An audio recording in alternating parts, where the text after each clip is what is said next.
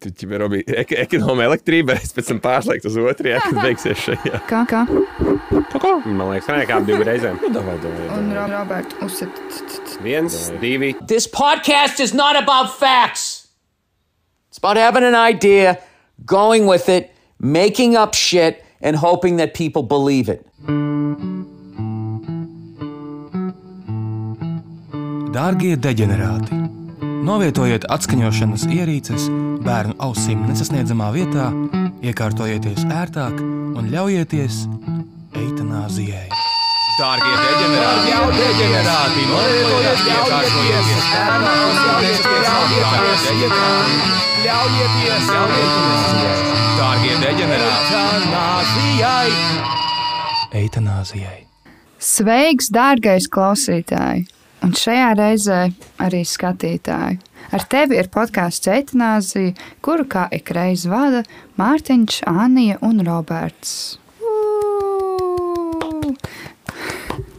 Vēlamies jums novēlēt laimīgu un panākumiem ba- bagātu jauno gadu 2023. Vai nav skaisti? Skan skaisti. Vareni. Mhm, mhm. Šī epizode ir īpaša ar to, ka katru gadu mēs iesākam ar atskatu uz iepriekšējo gadu. Mēs to esam apvienojuši kategorijās, nominācijās un balvās, kuras saucas Zelta rāceņi. Paldies! Paldies. Plāns ir sekojošs. Mēs mazliet parunāsim par, par savām lietām, par jūsu jautājumus atbildēsim. Un Iestarpināsim pa vidu kategoriju, nominantus un apbalvosim zelta rāciņus 2002. Gada, 2022. gada.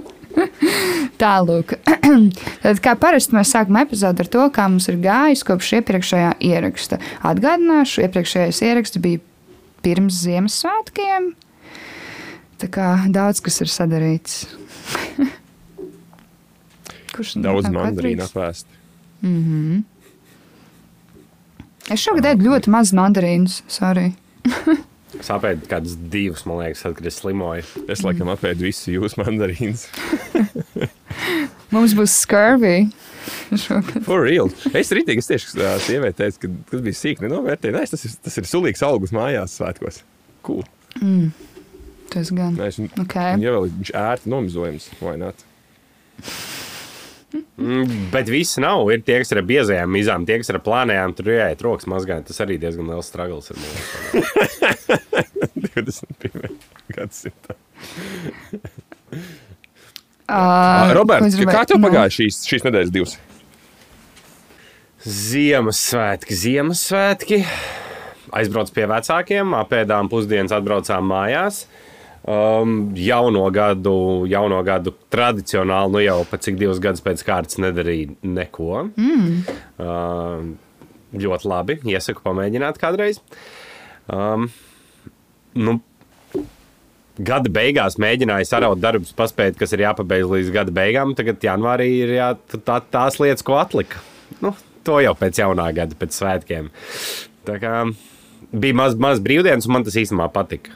Nu, šajā kontekstā, kad nebija tās, eh, kad citreiz, ka iekrīt, kad ir cik ir Ziemassvētkos trīs, trīs dienas sarkanās, vai ne? Mm -hmm. Tad, ja ir divas brīvdienas un trīs sarkanās pēc tam, vēl, tad ir piecas dienas, un tad nekas nenotiek. un Tad nav labi. Tā Tagad es biju par to ļoti priecīgs, bet man arī līdz to nekas tāds superfun nav bijis. Laikam. Mm -hmm. Jā. Tāds kārtīgs grāmatsetiņš, Sigma grāmatsetiņš. uz darbs, beigām, jā. Vai ne? Tieši tā. Jā. Tieši tā. Es šo žaketu meklēju īstenībā kādas divas nedēļas, kamēr es iegādājos. Beigās neiegādājos pie šuvējas, aizgāju mūžu. Jā, jā, jā. Zelta rāciņš. Jā. Jā, jā. Zelta krāsa bija beigusies, iedos sudrabu. jā, jā. Nu, viņi rīvam šos priekš Eirovīzijas Jā. tagad tērpus, un, bet es pateicu, nu, ka, lai viņš bišķi uzgaida, ka man ir rāceņi, un mēs tur visi sarunājām. Ok. kā Nice, nice. Diezgan fini. Ļoti labi, ļoti labi. Uh, tad, tad es varu atļaušos turpināt. Uh, man sāk asiņot deguns, starp citu, kad mēs sākām runāt. Tas ir interesanti. Mm, Tur tas žaketēs laucīt vismaz. tas gan, jā, jā, jā, jā. Plānoju to arī darīt. um, ierakstam tu, turpinoties uz priekšu. Ko es darīju? Tad es strādāju. Tie, kas seko man bija ielā, zinās, ka es tikai un vienīgi strādāju. Um, vēl mēs ar kankaru māsām nopirkām biļetes uz Romu, un es mācos itāļu valodu kā Mm. Vai jūs braucat ar traileri? Nē, mēs nebrauksim ar traileru. nē. Bū, Bija visas Ryanair, te- bū. Visas traileru biļetes bija izpirktas. Um, Nu, jā. jā, tad es jā, cenšos Duolingo iemācīties kaut kādas pamatfrāzes, lai es vismaz zinu, kā, uz kuru toleti var iet. Un, un tādā garā, jo cik es saprotu, tur īpaši nerunā angliski. Baigi labi. Um, Jūs tur ilgi plānojat būt? Kādas sešas dienas? Viss var būt. Viss var būt. Ā, nu Tad, tad ir Varbūt jāmācās. Tad ir jāmācās. Jā, varbūt. Jo Piecas, mums jau arī tāpat valstī jā. vēlās, lai iebraucēji runā mūsu valstī. Tad arī Anna gatavojās Jā. tam, ka tur, ka tur viņi sagaidīs ar eksāmenu. Tieši tā. tie- Es būtu ideālais ENA vēlētājs, ja vien viņi neienīstu gejus. um, kas vēl tāds, ah, vēl sačakarēju muguru. Strādājot, es nezinu, kas man bija. Man bija vienkārši nenormāli sāk sāpēt muguras leizdaļa. Un uh, es centos sakontaktēties ar ārstiem un vienkārši teicu, lai es dzeru ibuprofēnu. To es darīju. It kā pārgāju. Jā, principā, jā. Tad es esmu viņu šobrīd iztaigājis. Bet, ja, nu, kā, ja strādā, ja iet uz darbu, tad atkal sāp. Aizvakar bija atkal ar meitenēm no darbiņa pasēdēt. Šoreiz nebija tik liels rēķins bārā, bet, uh, bet tas bija forši. Nu, terapeits, kas jau Mārciņam pirms ieraksta stāstīja, ka tā kā ir forši, ķipā, jūs sasēžaties un tad jūs sitat tādu klaču pa visiem darbā, jo mēs katru no cita departamenta. Viens strādā um, restorānā, otra recepcionā un es esmu virtuvē, un tas trīs dažādas pasaules. Jums vajag vienoties ar kādu barčiku, kur jūs viņus varat tos darbiniekus uzaicināt vakariņās. Mm -hmm. Un iedot viņiem stāstu diskontu, kas ir spējams 50% Jā. drīzāk. Un tad pēc tam sarunāt, ka mēs vakarā iesim pie jums dzert, un tad jūs mums iedodiet stāstu diskontu. Jokes on them, tāpēc, ka jūs droši vien izdzersiet četras vairāk nekā viņi apēdīs. Visdrīzāk, jā. Nē, mēs, mēs viņi, viņi mums iedeva pagājušais atlaidi. Šoreiz bija ļoti nejauka apkalpošana, teikšu, kā ir. man, tā, man tā reti gadās, jā, bet mēs bijām laikam arī skaļi, skaļi smējāmies, tāpēc es neko neteicu. Bet bija tā, ka, uh, ok, sorry. Un tā. Tā, Bet- kā vecmēta balītē uzvedāties, tik skaļi smējies. Nu, Tāpēc, ka vienkārši, ķipa, zin kā, man ieslēdzās tas izklaidētāju mods, un šie, tā kā šīs meitenes arī drusku jaunākas par mani, un tad ir tā kā, ķipa, es esmu tā kā the mom of the jokes. Auditorija, jā, jā, jā, jā. auditorija. exactly, un tad vienkārši visi tā kā nenormāli skaļi smējās, un tur lauž krēslus un tādā garā. Bet tā, jā. Bet šoreiz nepiepisos bārmenim arī nevienam, tas bija labi. Tas, tas Nabadzīgi. Neizdevies vakars Par kādam. bija. darba kvalitāti vai ar jokiem? Nu, tā kā ar, ar acis piemiekšanu, tā kā nevietā. Es citreiz, pa, citreiz man uznāk, ka es tā kā palieku, zinu, kā ir tās vecākas sievietes, kas tā kā. Kas? Viņas? jā, jā, jā, nu, tā kā ir kaut kāds omas, kas tur cenšas kolīt. O, mēs ejam, nevajag. Jā, citreiz man uznāk tāds uh, garš stāvoklis. Bet tā, jā, un, un vēl es ļoti daudz klausījos uh, podkāstu eitanāzijas, visas epizodes, jo es gatavojos zelta rāciņiem. Man bija jāsagatavo kategorijas, jāsagatavo aptauju, kur, kurā piedalījās eitanāzijas vecie. Tad tie ir mūsu tuvi draugi, mūsu bijušie viesi. Padome. Viedējo padome. Viedējo padomu. Tālāk, un runājot par to, es domāju, ka jūs iepazīstināšu ar pirmo kategoriju, nominantiem un tā šīs kategorijas uzvarētāju atvainojos. Tātad eh, šeit esmu sagatavojis nelielu prezentāciju. Zelta rāciņš šogad, ir, sp šogad sponsorē Cult Energy Drink.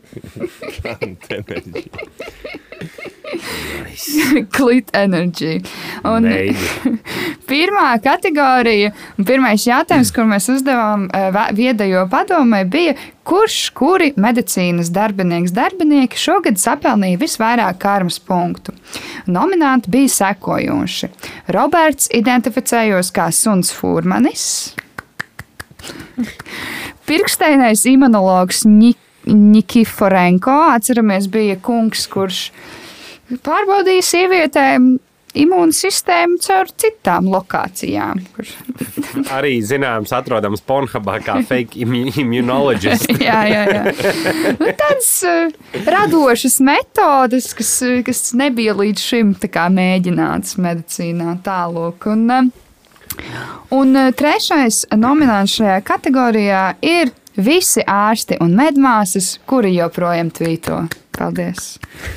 Visiem paldies. Es domāju, ka, jā, es domāju, Man ir savs favorīts. ka, eh, es domāju, ka mums nav daudz par šo, šo nominantu jārunā.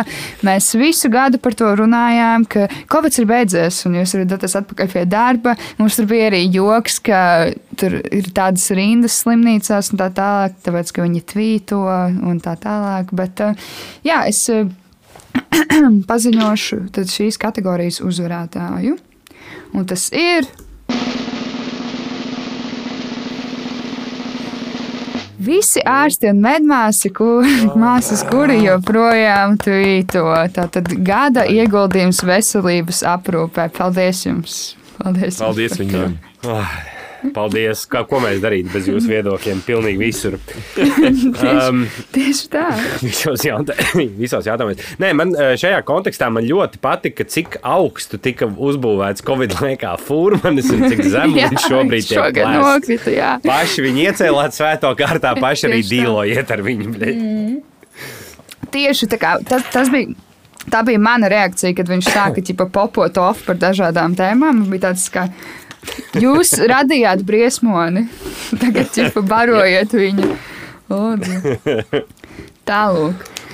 Ok, paldies pirmajai kategorijai. Apsveicam uzvarētāju. Dosimies tālāk. Šeit būs klausītāji jautājumi no Facebook grupas. Facebook grupā jūs jau zinat, kā tikt. Man nav vairs jāatgādina. Un, un, un pirmais jautājums šoreiz ir no Kristīnas, kura raksta, vai eitanāzijas oficiālais Eirovīzijas pārstāvis būs Markus Riva vai tomēr Alisa Hājima? Es teiktu, ka Alis. Mm. Jo es par Marku zinu tikai eh, to, ka, kā, kas viņš, nu, ka viņš ir, un ka viņš viņš ir. zied un ka viņš laiku mēģina tikt. Mm. Uh, un ka viņš ir tāds jauns puisis ar blondiem matiem, ja nemaldos. Nu, cik Jā. no jauns. Es jau domāju, ka es esmu jauns. Bet, uh, bet uh, Alis es jūtos jau nu, kā senī, vismaz klasbiedri. Vismaz, nu, nu, mm. vismaz. Es par Alisu zinu droši vien vairāk nekā par daudzām meitenēm no manas pamatskolas klases. nu, kā, es, es, domāju, es domāju, ka es atbalstīšu Alisu drīzāk. Nu, es, diemžēl, nevaru to teikt, jo klausoties eh, epizodes, es ļoti daudz eh, fanoju par Markus Rīvu arī pagājušā gada Eirovīzijas sakarā. Un es joprojām eh, vēlos producēt Markus Rīvas šovu Eirovīzijā, tā kā dod man ziņu. um, bet es paklausījos tās dziesmas, visas jūs klausījāties? Diemžēl vēl nē, bet viņas ir 15 tikai vai ne? 16, man liekas, jā, bet 16. nav starpība pat teikt par tādu. Uh, pirms ieraksta laikam vienu diskvalificēju. Ah, jā? Kuru? To fujeku sauli. Es ne, neesmu vēl pat dzirdējis. Tikai jā? dzirdēju. Pārāk laba tā dziesma. Iespējams, Latvijā tā ir ļoti nopietna problēma, ko, ko mēs pēdējos gados saskarāmies uh, supernovā, ka tās dziesmas ir pārāk kvalitatīvas. un Viņas uh, ir grūti vērtēt. Tā ir. Nu, tā ir. Es, um, es dziesmas neklausīšos. Es droši vien pieņemu, ka uh, Mā- Mārtiņš Urbāns droši vien organizēs kādu skatīšanās pasākumu, un es vēlos tapt pārsteigts un izteikt savu objektīvo viedokli. Mm.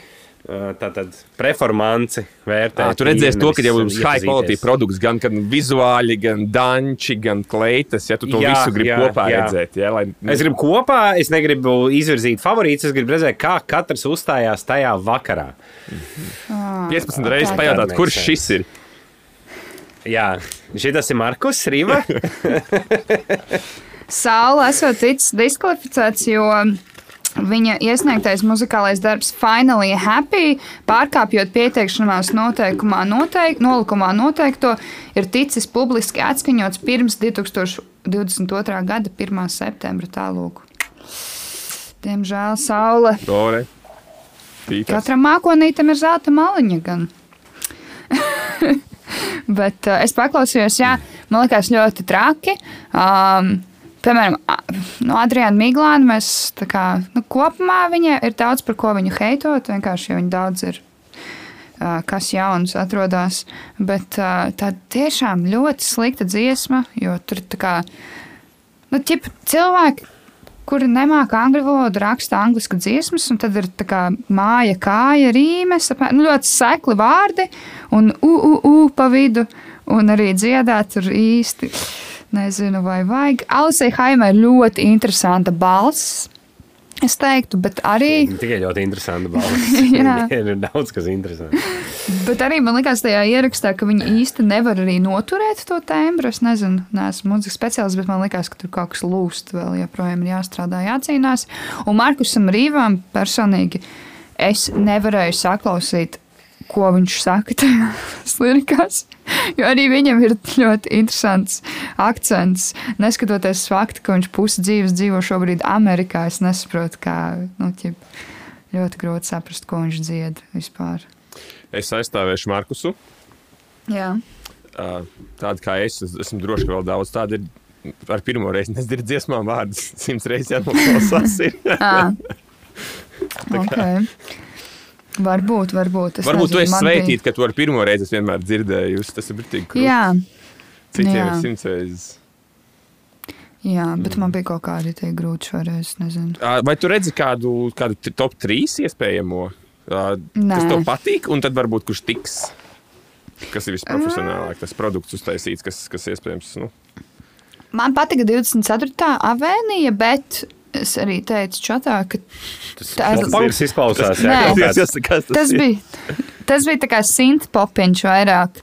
Bet neuztraucies, Rauma arī ir atpakaļ ar popānka dziesmu, un viņa ir traģiska. Raumi tie bija pagājuši gadu. Jā, jā, jā, jā, jā. MGK mm -hmm. ir atpakaļ. Bet uh, tā 24. avēnija bija tā kā tā ir laba pop dziesma, bet priekš rādio. Nu, ķipa, es viņu klausītos radio mašīnā, bet ne Eirovīzijā. Principā viņi savu vasarai ir gatavi. Priekš rādio produkts. Varētu tā būt, jā. Jā, jā, jā, jā, jā. Es nezinu. Kas vēl tāds, nu, pat trīsšā atkal, jā, nu, tur, nu, es nezinu, man arī būs tā kā Robam jānoskatās šaus, un tad jāredz, kā mēs jūtu vairāk līdzi.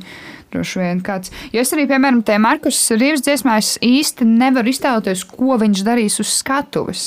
Jo viņi ir diezgan tāda upbeat, un ja viņš vienkārši darīs šitos teķipa, ka viņš vienkārši staigā. Tur kādi seši džeki fonā šitos te taisīt. Jā, jā, jā. Šitos te. Jā. Zaļu godu.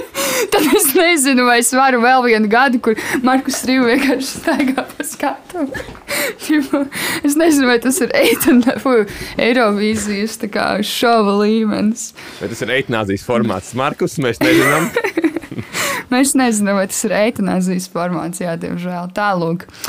Vai Bet, ir kāda prikola grupa, sorry, es varu paturpināt, tas tomēr tāds vesels notikums ir. tā.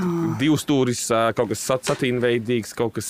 Tie nav tā super. Nē, viņi kaut kad bija, es biju kaut, kaut kad dzirdējis, ka viņi teica, ka viņi neuzstās. Nu, tas nav viņi, viņi neies nekad. Jā, diemžēl. Žēl, jā. Lai kā, lai kā cilvēki vēlētos, nē. Man liekas, ka jā, arī Busuls un, un Reinas Sajāns vairs nemēģina būt smieklīgi tik ļoti. Tas ir jā, ļoti labi vēsts. Paldies! jā, liels paldies viņiem, ka nu, pārtrauc censties vienreiz. Bet uh, jā, tālāk. Um, vai mums ir šodien arī uh, kāds heitrāzijas segments paredzēts, vai Jā, ir paredzēts? ir ja būs, tev tikko atnāca Tu, tu heits. taupies, jā. Nē, nē, es vienkārši domāju. Ok. Es, jā, jā.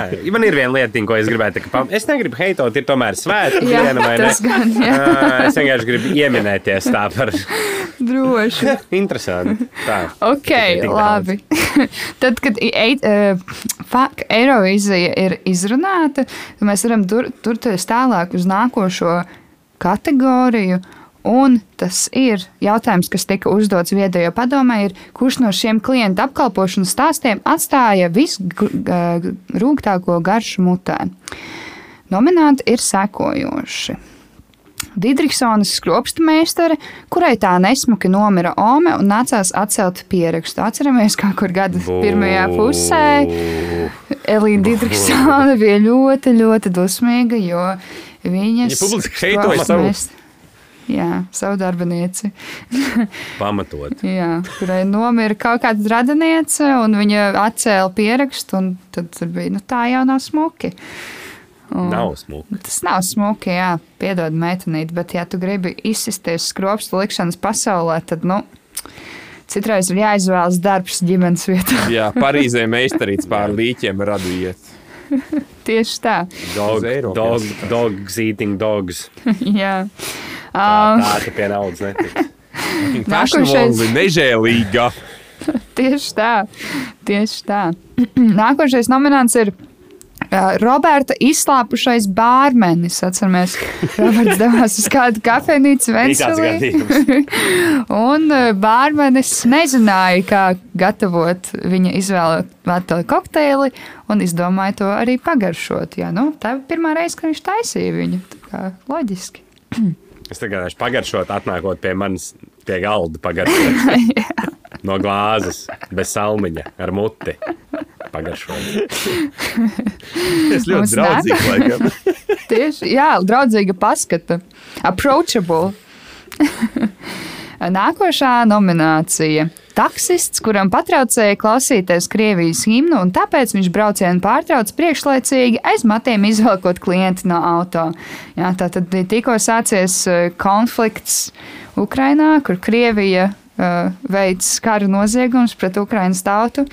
Un, uh, Veids piepišanos. veids piepašanos, jā, un, un, un uh, jā, kāds taksists esot klausījies Krievijas himnu, klienti palogus to pārslēgt, un rezultātā tikus izrautais matē no taksometra. Ass gas or Russian anthem. Tieši tā. Those are the taxi rules. Un pēdējais nominants šajā kategorijā ir Latvijas pasts, kur mūžīgi ir rindas jāmaksā visādas atmuitošanas un tā tālāk. Un vēl bija interesants stāsts par darbinieci, kurā Twitterī pajokoja, ka visas jūsu AliExpress paciņas tiek mēstas laukā vai kas tam līdzīgs, un tad viņi ļoti publiski nu, viņu atlaida no darba. Tad tur bija kaut kāda Twitter drāma, ka Latvijas pasta pārstāvis zvanīja Ansei Tārvitai. Un vēl es atgādināšu, ka bija tāds gadījums, ka Latvijas pasts papis man soda kvītu un man nodeva parādu piedziņai. Man neapmaksā to sodu. Latvijas pasts šī gada MVP. Nepareiz novietošana. Tālāk, tās ir, tā, tie, ir, tie ir visi nominanti. Un ko mēs apsveiksim šajā kategorijā? Mēs apsveiksim taksists, taksistu, kurš izvilka klientu no auto. Grand Prix klienta apkalpošanā. Paldies! Paldies Igoram!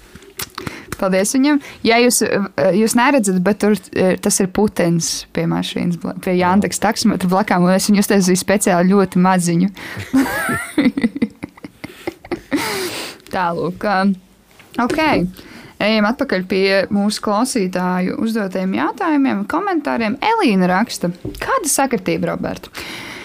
Man ir personīgā heitanāzija, fak, fiziku. Tagad sesija, jāraksta to eksāmenis fizikā. Reāli jau kopš 8. klases reāls galvas sāpes, lai gan nevienmēr nesapratu, bet tie skolotāji tādi ļoti švaki. Ceru, ka varēšu uzrakstīt eksāmenu un nekad dzīvē par to vairs nedomāt. Jā. Fizika. Turies, Elīna. Turies, Elīna, jā. Bet viņai pareizais mindsets, tā kā nokārtot Es to ka eksāmenu. visdrīzāk kaut- neuzrakstīsi eksāmenu. Nē, Nenokārtos. Es Es domāju- ka skolotājs nenokārtos. Es domāju, nokārtos. Es, es Nē, domāju, ka viņai nokārto. Nu. Viņai ir rūp, ja rūp, tad mācās, ja mācās, tad nokārto, ja Tieši dara, tā. tad sanāk, ka viss. Tieši tā. Un, un, un uh, nokārto kaut vai uz minimumu un aizmirst. Tā kā tu saki, tev pareizs mindsets. Vienkārši tā kā tu saki, ķip, nokārto un miers. Aizmirst par to visu. Tālāk. Um, runājot par heitanāziju, kāda ir jūsu heitanāzija šonadēļ? Uh, man, diemžēl, nav ar ko padalīties. Es nesu atstājis māju mm. divas nedēļas. Roberta, ir tavs brīdis spīdēt. Jā. Nē, es nav, nav tā, ka es esmu ļoti uzvilkts par to. Man tas vienkārši liek uh, mazliet padomāt. Es vēl gribu, es vēl gribu vēlreiz atgriezties, um, kā sauc dāmu, kurai ir eksāmens. Elīna. Elīna, Elīna būs čila, nemīst, mm -hmm. nepišķis. Um, es, es domāju, es ne, ne, es, tas, ko es gribēju pateikt, Es, tas, ko es gribēju pateikt, ka es jokojos, gan jau, kad nokārtos. Um, par, um, par atgriežoties pie heitanāzijas atpakaļ, um, ir tāda lieta, Mārtiņ, kad, um, kad tu būsi um, vecs un, un jūs ar Kristu nomirsiet un Odrija saņems mantojumā jūsu māju. Uh, Vai tu zini, ka tad, kad viņi to māju gribēs pārdot, jo viņi ar kastiem nevarēs izlemt, kurš tur gribēs dzīvot, un vienkārši viņi izdomās, ka ir jāpārdod, uh, viņi gribēs nozāģēt tās uh, priedes, ko tu esi iestādījis iekšā. Mm -hmm. Jo nu, viņas noēno māju, un tur nu, kračs ne vienkārši viņas vajag nozāģēt. Vai tu zini, ka viņai par to zāģēšanu būs jāmaksā zaudējuma atlīdzība par koku ciršanu pilsētu un ciemu teritorijā? Pagaidiet, Par tiem kokiem, ko es pats uh, uz savas iniciatīvas Jā. vadīts, uh, Uz savas zemes. savā zemē.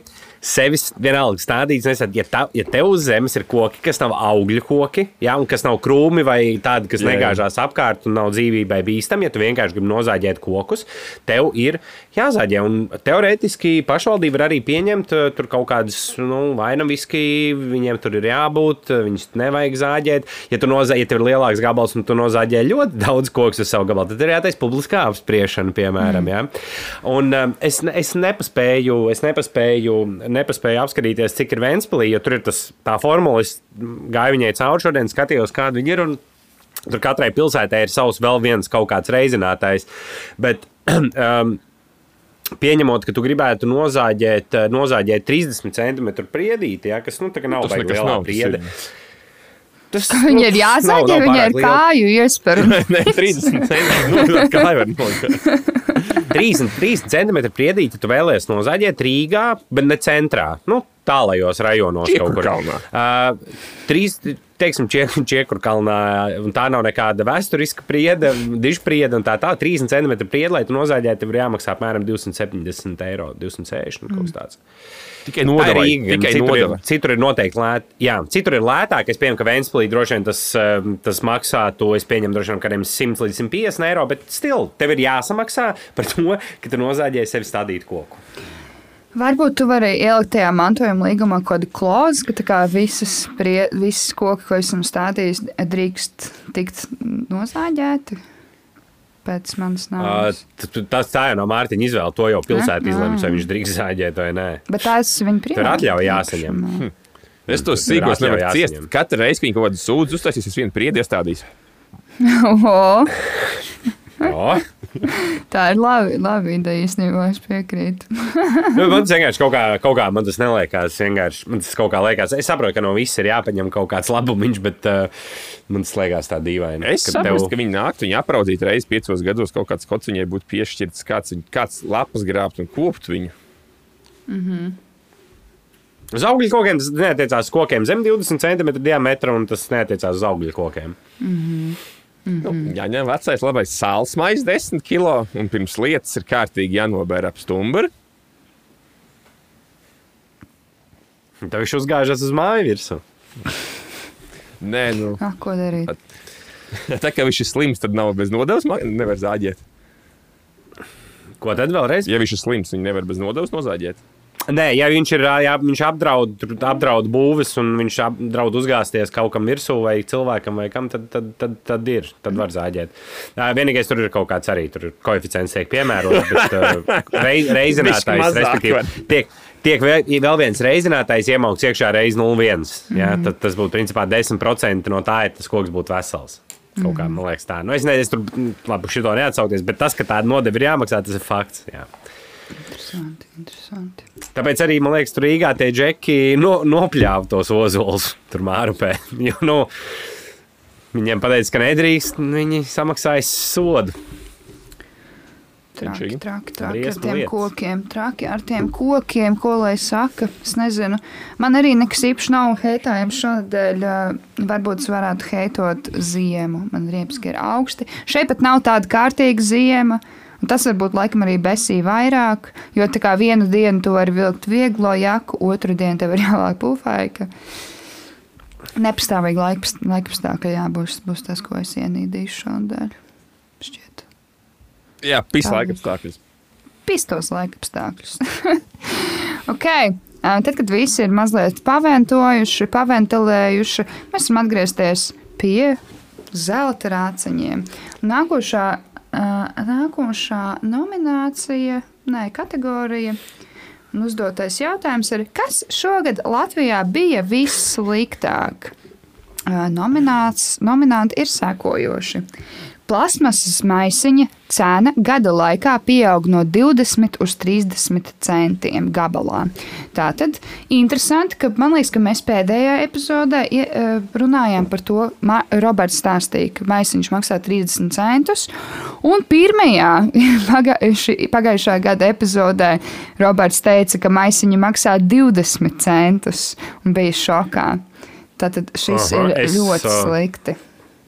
Es Cik? vakar pirku cigaretes. Manas iecienītās cigaretes ir pārgājušas cenas, uh, cenas robežā no 4,10 eiro līdz 4,40. Un Es sapratu, ka laikam es būšu drīz sasniedzis to robežu, ka es tomēr negribēšu vairs pīpēt. Jo, Wow. nu, Tas nav Roberts, ko es pazīstu. Bū, Roberts teica, ka viņš nopelnīs vairāk cīgām, nevis fucking žēlos naudu. Tam fuck, Nē, tā ir. Roberts. Tā ir uh, nē, es kontrabandas cīņas drīzāk. Es jau Wow. šurīt nekā, bļaļ, maksājuši par šito huīņu. Es katru gadu uzmaucu augšā, bļaļ, par 30 centiem. Cik maksās nākošais maisiņš jūsu idejas? Oh, jā, varētu likt uz 40? šo stāvkus. 40, jā, 40, 45. 3,5. 35, ok, labi. Es ceru, ka es varbūt atcerēšos atgriezties pie šī. Ā, ir, ir tāds ā, ekonomikā termins deflācija, vai tas kādreiz attieksies uz maisiņiem? Vai tas tikai uz kaut kādiem zirņiem un pienu? Un griķiem, jā.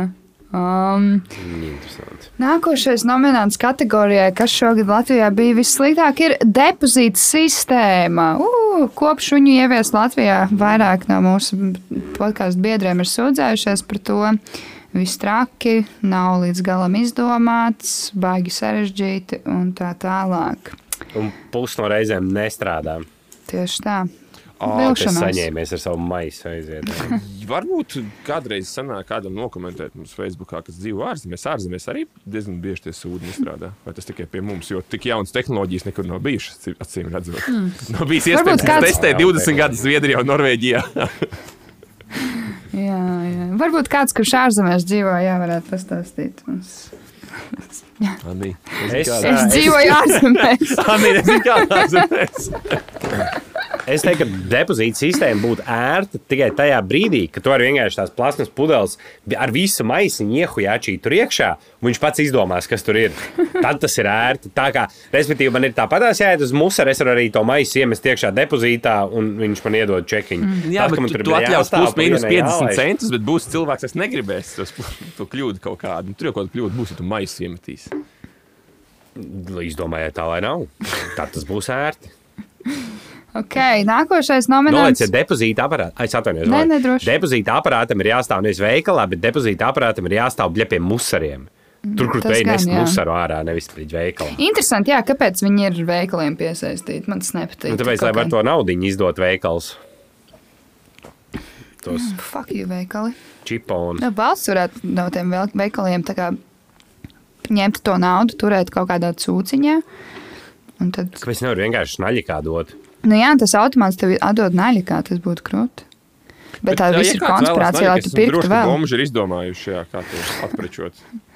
Bet viņu var, man liekas, var arī atpečot, ja tu vienkārši par to talonu nopērc mazākā vērtībā. Viņi tev atdod vienkārši kašā. Paņem sērkociņus un to starpību atdod. Okay. Jā, kaut kā tā. Interesanti, interesanti. Bet, nu, tu jau vari arī šmīgi pat aizsnopīt. Paldies, Etnāzijas bombžiem par konsultāciju. Ok, iesim tālāk. Nākošā lieta, kas Latvijā bija vissliktākā, bija elektrības gāzes un degvielas cenu pieaugums. Nu, tur mums pa epizodēm mainījās gan degvielas cena, mēs tur smējāmies. Nu, kas tad nākošais būs 2 eiro un bija 2 eiro. Un, un, un tādā garā, jā, mēs sekojām līdzi. Iet tagad uz augšu, ir jau eiro 70. Jā. Jā, iet lejā, nav fucking rezons. Viņai iet uz augšu. Viņai nav. Kā nav reizons, bet lohi ir un lohs drāzīs. Un te kamēr var, tas ņems. un Kā nahuj pārdot lētāk, ja var pārdot Nē, dārgāk. tas arī man patīk, ka cilvēks atraucās to, ka tagad cenas kaut kur ir ķipa, nu, zemākas. Tankštelē mm. nav iemesls tev tirgot lētāk. Viņi tirgo, cik viņi grib. Tas gan. Tieši tā. Tirgo, viņiem nav nekāds pienākums teorētiski, bet, nu, Jā.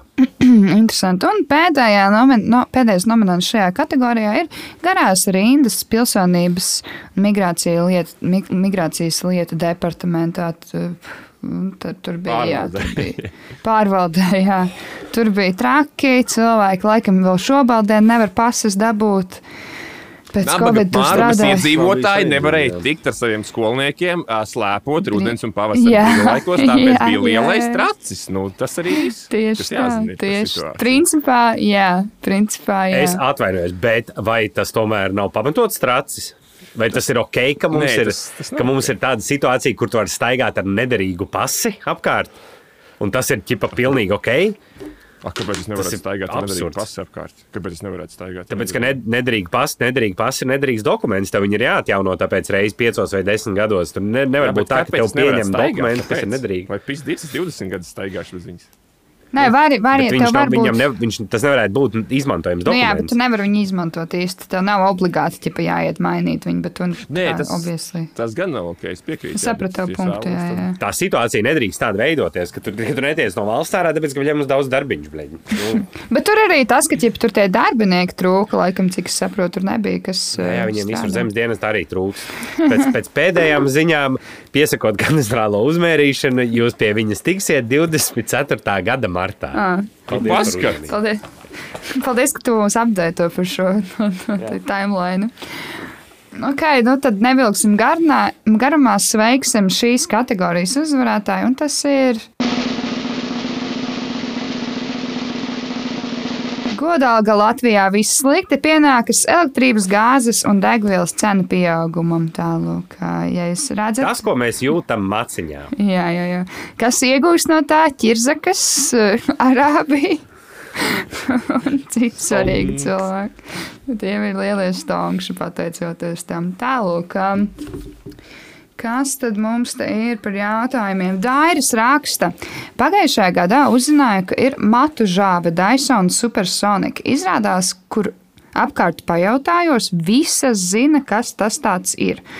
Un ko mana sieva grib esošā vietā, bla, bla, bla. Ok, nav problēmas iegūt, bet tā cena. Turpat nav Bluetooth vai atmiņas karšu vieta. Pirkt vai nepirkt šo matžāvi. Tātad tas ir fēns ar visādiem uzgaļiem. Es esmu par tādu dzirdējusi. Es teiktu, ja sieva prasa, tad ir jādāvina. Droši vien. Tādu gribētu. Bet viņš ir dārgs. Nu, man nav matu tā, tik daudz, lai būtu jēga. Nu, ķip, man nav jēgas no vis tā. Jo tur ir loku uzgaļi, bet taisnošanas hujoma, jo man nav tā kā tam.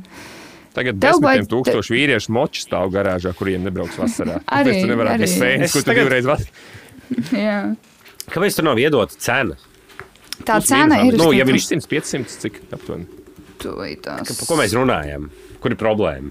Tyson Airwrap uh, 500 paundi, jā.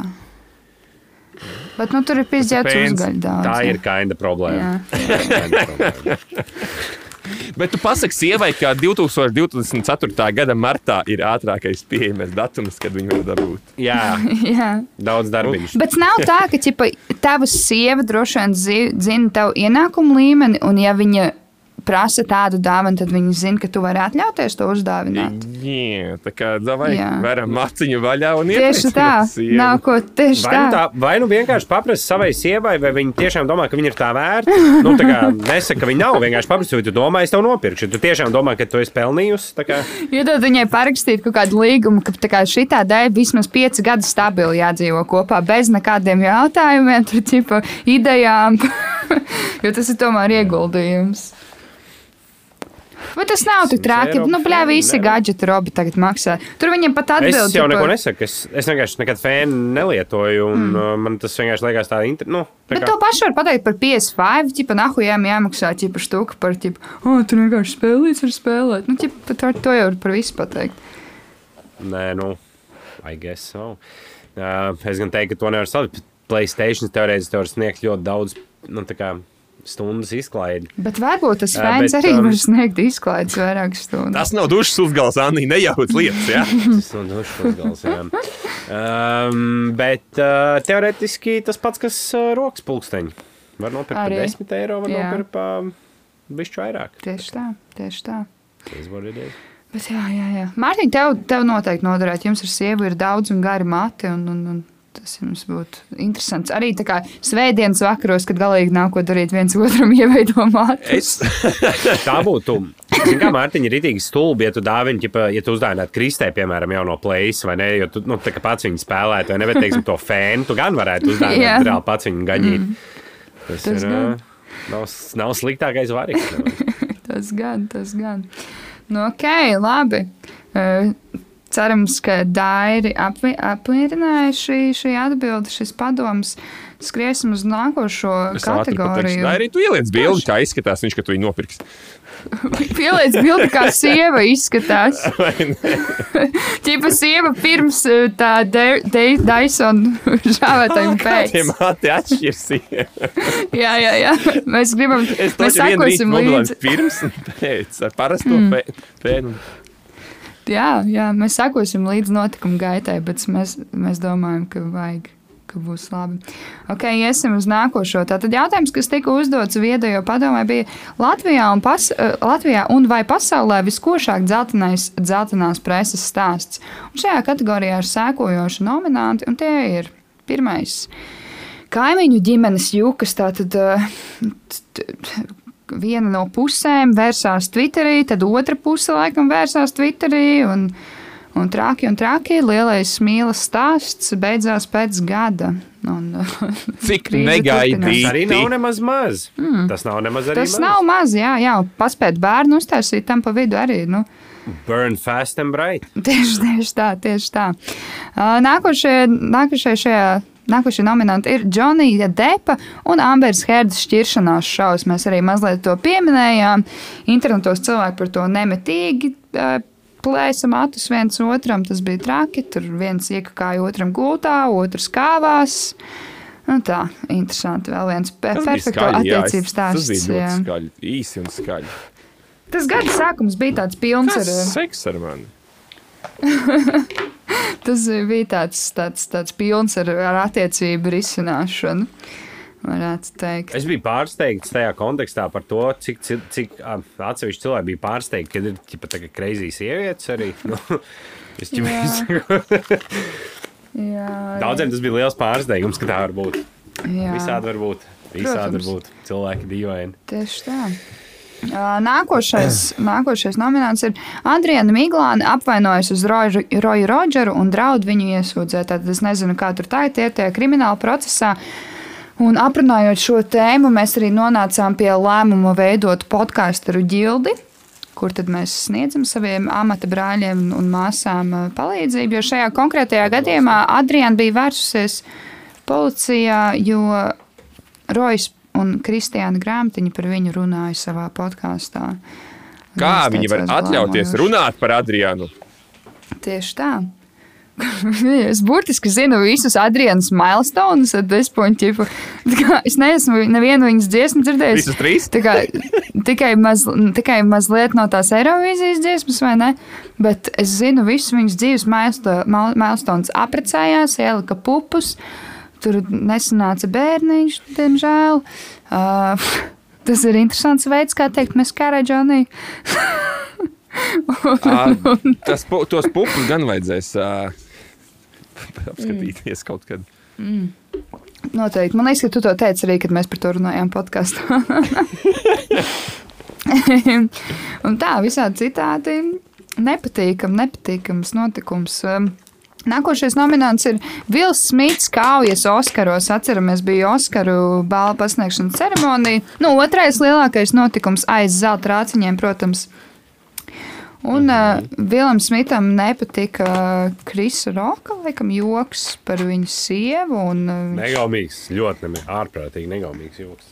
bezgaumīgs joks, un viņš piecēlās un iesita Vilam, ne, bet komiķim pasēju. Tālūk. Pēc tam tur sekoja atvainošanās jūra un tā tālāk. Protams, redzēsim, redzēsim, kā Vila Smita karjera risināsies tālāk. Nākošais nominants ir Markus Rīva, kas uzsāka nodarboties ar OnlyFans. Tā bija arī maza tēmiņa, ko mēs pieminējām.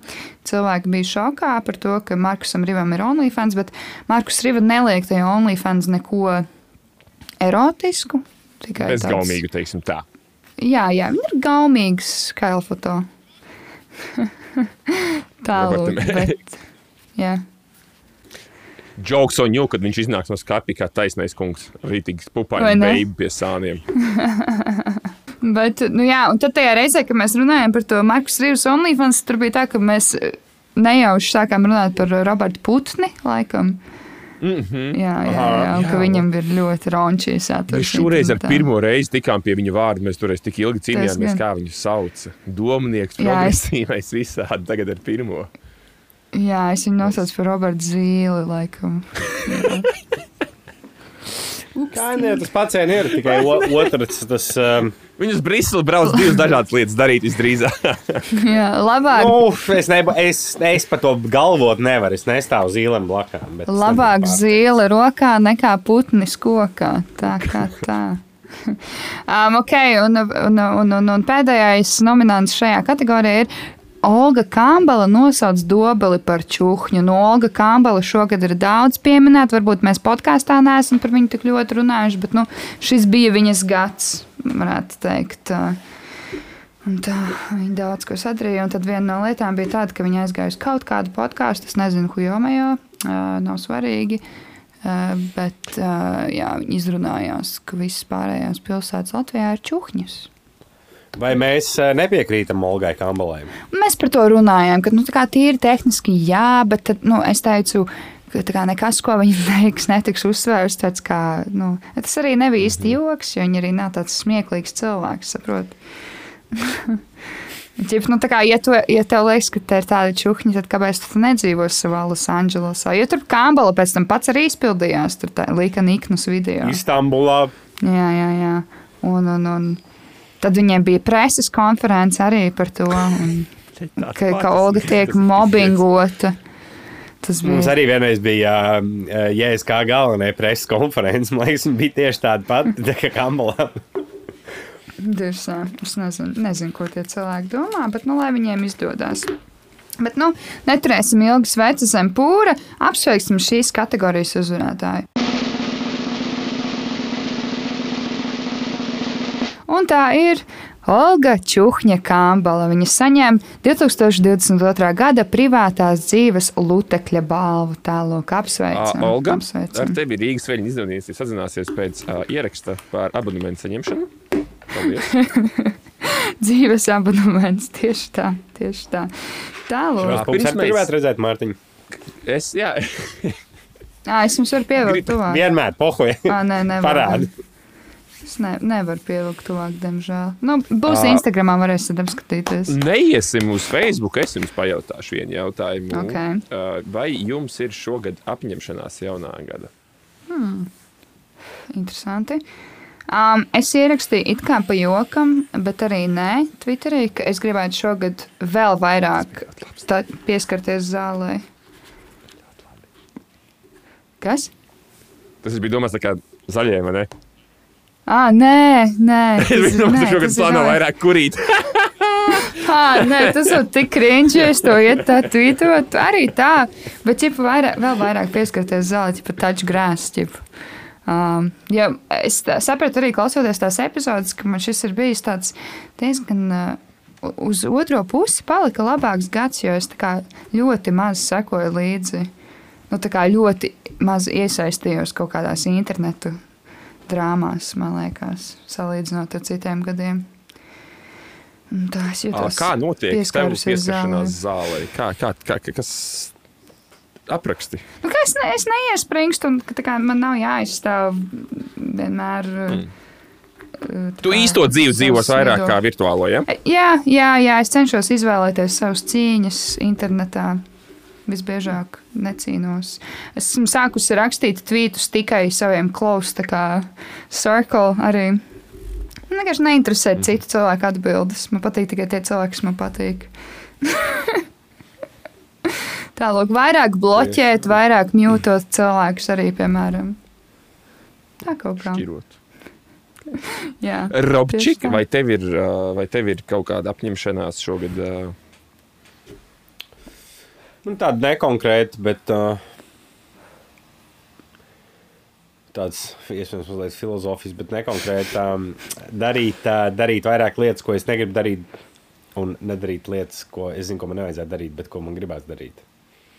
Nu tā, vienkārši, ja es zinu, ka man kaut ko negribās darīt, bet to vajag, tad tas ir jādara tagad un uzreiz. Jā, tad, tad ģipa, tas apņemšanās ir, lai tev būtu sliktāka dzīve. Nē, padarīt. Jautājums, vai viņi ir tiešām sliktāki? Viņi jau paliek labāk. Vienkārši darīt lietas, ko tev negribās darīt. Bet, ģipa, tā, ok, tad tav, tu visu tavu dzīvi šogad būs, ģipa, tu visu laiku darīs lietas, kas tev negribās darīt.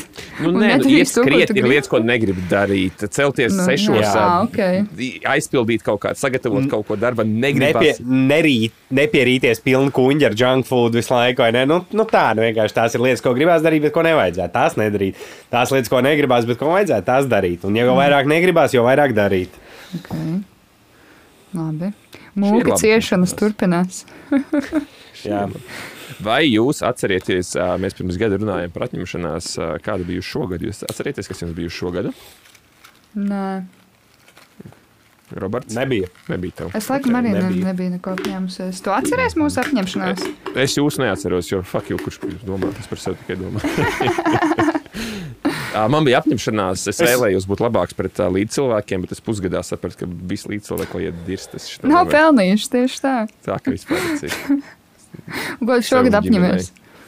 Uh, es esmu izdomājis, ka es šogad. Uh, Šis būs ļoti stulbi. Vispār nekāds sakars ar tādiem filozofiskiem. Es, kad uzņemšu viesus, es dāmām piedāvāšu vīnu un burbuļus šogad īpaši daudz. Wow! Īpaši daudz. Vīnu un burbuļus. Kāds ir? Nu, vīns un šampīns. Nu. Es- Jā. Epsteins. Ir jāmājās stāvēs. uh, Tā kaut kur viņa izskatīs no Nekā kādas mašīnas pa kastē, pa kastē. Tu jau zini, ka radošiem cilvēkiem nekas netraucē. Interesanti. Interesanti. Hmm. Okay. Tad es neņemšu. Ah, neko man ir vēl viena, man ir vēl viena, man ir vēl viena lielā faka. Man ir jāiziet zemesardze pamatapmācība, jo man sāka draugi jau bulijot tie, kas ir izgājuši un tie, kas uz mācībām brauc. Un... Man jau apbižo. Jā, es gribēju tev piešķirt uh, NA auseklīšu ordeni par, par tavu pievienošanos zemesardzei, jo tā bija liela tēma šogad mums arī apspriesta. Bet tad tu daudz, nu, tā kā bija vairs par to nepieminēji, tāpēc negribēju to celt vairs augšā. Nē, nē, tas nav esmu Es, es, es, es to gribu izdarīt, jo fakt, es būšu pienplēvis. Tad tu varēsi man mm. pienplēvis stikerīt iedot. Tikko tas Ok. neizies. Kas notiks pirmais? Mārtiņš iziet zemesardzē, Anīs noliek tiesības. Šito labi. Šis pagājušajā gadā. izskatās pēc beta. Vai ne? Bet- Vai ne? Šito, šito raudus jautāju pagājušajā gadā, bet prasīja, vai Mārtiņš no, iemācīsies ukulēlu spēlēt. Jā, projām viņa putekļi skrāja. Nē, nē, es tieši šodien Oh. staigāju ar suni, un es zināju, ka kāds kaut ko tam līdzīgu pieminēs. un Es domāju, jā, šogad ir jānokārto pēdējā, pēdējais gads, kad var. Vajadzētu Vajag sev uztaisīt tā, ka arī tev nav izēja. Nu, tad sev nolikt tādu Nu, situāciju, ka jā. tev izējas nav. Jāuzstājas tā kā rītīgi, tā kā driving playlist. tas mani Es, tas nebija tas, ko es domāju, bet ja tas tev palīdzīja. Kas, kas kuram palīdz tieši tā? Nu, Anna, ja tu dabūji tiesības, pirmā tad es tev dāvinu šampanieti vai burbuļus, kā Mārtiņš teica. Ja Mārtiņš pirmais iziet zemesardze apmācību, pirms Anī noliek tiesības, es Mārtiņam dāvinu. Mēneša biļeti vai arī etalonu? Ko tu darīsi ar etalonu? Ko tu gribi, lai tev uzdod? Neko. Tādā pašā cenu kategorijā. Mm. Kāpēc man neprasīja, ko es gribu, lai man uzdāvina? Tāpēc, ka es vienkārši apzinos savas iespējas. un Es vienkārši. Es varbūt gribēju Dyson Airwrap, es varbūt gribēju Nu to jā, spēli. nu jā, bet nē, tas ir tas, ir tas ko es varu piedāvāt. Uh, otrs, es varu. Tad, tad Mārtiņam mēs varam, ko mēs vien- vienu G piedāvājam. Nu, labi, piedāvājam Mārtiņam. vienu. Nekad neatteikšos. Vajag vairāk pieskarties zālē, kā Anna saka. Vairāk jāpieskarās. Tieši tā, zālē. šis būs tā ir, mana, gads. tā ir mana apņemšanās. Šis ir- pirmais? Un, ja neviens no jums, Ah, nē, es tad es- šito viens G un viens četrāliņš lūdzu. Ja rauds nākošais gads. Tibetē nākošā gada zelta rāciņos robas kurī un dzērā. Un tā arī būs. Crossfade. Tā- Anī, tu Man jā? sagribējās bišķiņi. Gads ir pagājis, jaunie zelta rāciņi. Bļā, nākošos zelta rāciņus es no mašīnas ierakstīšu par šo nākošo. Ok, ok, ok, ok. Lūdzu, uzlieciet šo uz darību tāfeles. Mm. Ok, sarunāts. Atcerēsimies par šo. Bet uh, mums ir laiks doties pie nākošās kategorijas, un tas ir 2022. gada dzīvnieku stāsts. Nominanti šajā kategorijā ir sekojoši. Jūras ērglane Milda, dabūna štuceru, tam tiek dots vārds par godu Zaļenskim. Un šis pieder Šmildu. Tātad tur atkal cilvēki sekoja līdzi notikumiem jūras ērgļu ligzdā. Um, Mortīs Sižets, jums saku, vienā valstī ir karš, un mēs to prezidenta valsts vārdā nosaucam kaut kādu putni, kam mēs sekojam Jā. līdz datoros darba laikā. Un, un, un uh, tur bija, jā, tā kā mēs, man liekas, ka epizodē paredzējām, es man liekas, ka teicu, ka viņu tagad nosauc par Zaļensku, un viņš izdarīs kaut ko sliktu. Tā kā, tā kā. Un nākošajā, man liekas, ka ierakstā jau bija, ka tās olas ir izēstas vienkārši. Ē, nu, zāģis, es gribu. Jā, jā, uz pohām. Viņam vajadzēja to tur. Viņš audzēja muskuļu masu. Protams, Jā. bul bulkings ir. Tieši tā, tieši tā. Um, ok, uh, nākošais, uh, nākošais nominants šajā kategorijā - cilvēki fotografējas ar lāci. Lāci nošauja. Tātad gulbenē sāka staigāt apkārt lācis, sirot un tā tālāk. Un, un bija cilvēki gāja klāt un baroja un fotografējās. Un īpaši izcēlās kāda sieviete savā Instagramā, kura uh, pozēja uh, netālu no lāča ar savu divgadīgo bērnu. Un, uh, Neilgi pēc tam šo lāci nošāva, jo viņš bija kļuvis par apdraudējumu sabiedrībai. Tālāk, un uh, mēs ar Mārtiņu bijām ļoti dusmīgi par šo. Jā, paldies. Ļoti jums, dusmīgs. Es vajag kaut kādu sodu likt par to lāču tramdīšanu. Bija kaut kāda nesen arī videks, kur cilvēks ar mašīnu lācis tramdīja pa ceļu malu brauc. Ā, nopietni? Devu virsū rītīgi. Vienkārši? viņi meklēja un dabūja rokā, protams. Bet tas ir, tas ir ritīgi. Jā, tas ir ritīgi jocīgi, jo man kaut kā, es nezinu, man tā strādā smadzenes, es nezinu. Es kaut kā cenšos empatizēt ar to dzīvnieku, jo tu, iztā, nu, tā kā, tu iedomājies, tev nav vispār nekā, nu, tev nav tādas kognitīvas spējas kā cilvēkam. Un tev pēkšņi vienkārši kaut kāds, tipo, kaut kāda nāves mašīna brauc virsū, tipo, un man tas Jūs Saudīgāk arī to, ka lāči arī ir nāves mašīna. Nu, tas, jā. Nu, jā, Robert, bet viņi tāpēc nav jākaitina, tipo, jābaksta. Uz uz 60 km stundā, kad viņš tev skrien no tevis prom, tā nav nāves mašīna. Tu esi nāves Jā, mašīna. tas gan. Jā. Bet mums ir Jā. jāpriecājās, hei, mums kaut kādi pieci lāči dzīvo mūsu mazajā valstiņā. Mums tā kā mīlestība pret viņiem, nevis uh, šitā tā kā mēs. Nu, jau es nezinu, vai mums ir pieci. Viņi pat lāči brauc uz ārzemēm dzīvot no Latvijas, pizdāšu to valsti. Bija kaut kāds ar to ledus gabalu, uz kuriem tur uz roņa salu vai kaut kā Jā.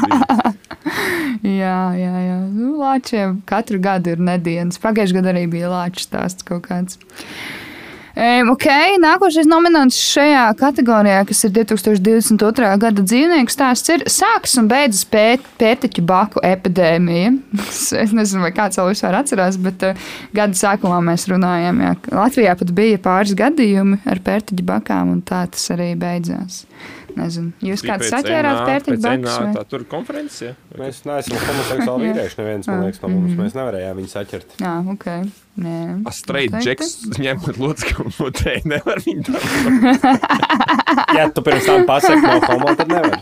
No, homo. Tā. Un neķer. Un Tad, Nice! jā, simts protection. es tur čurikus tad nevaru, jā. Čik, čik mājiņā. jā.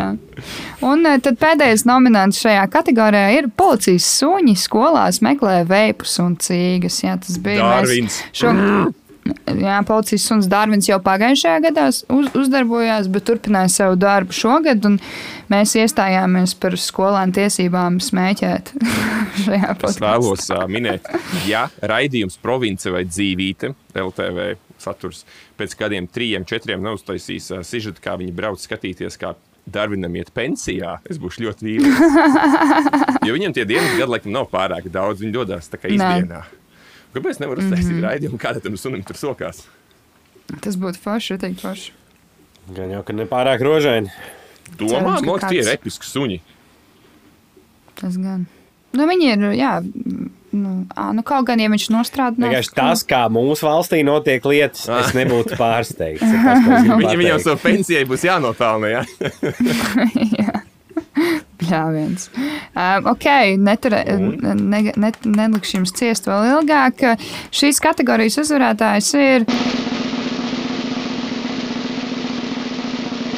Lāča fotosesija. Tur Lācis saka, kādēļ man jācieš.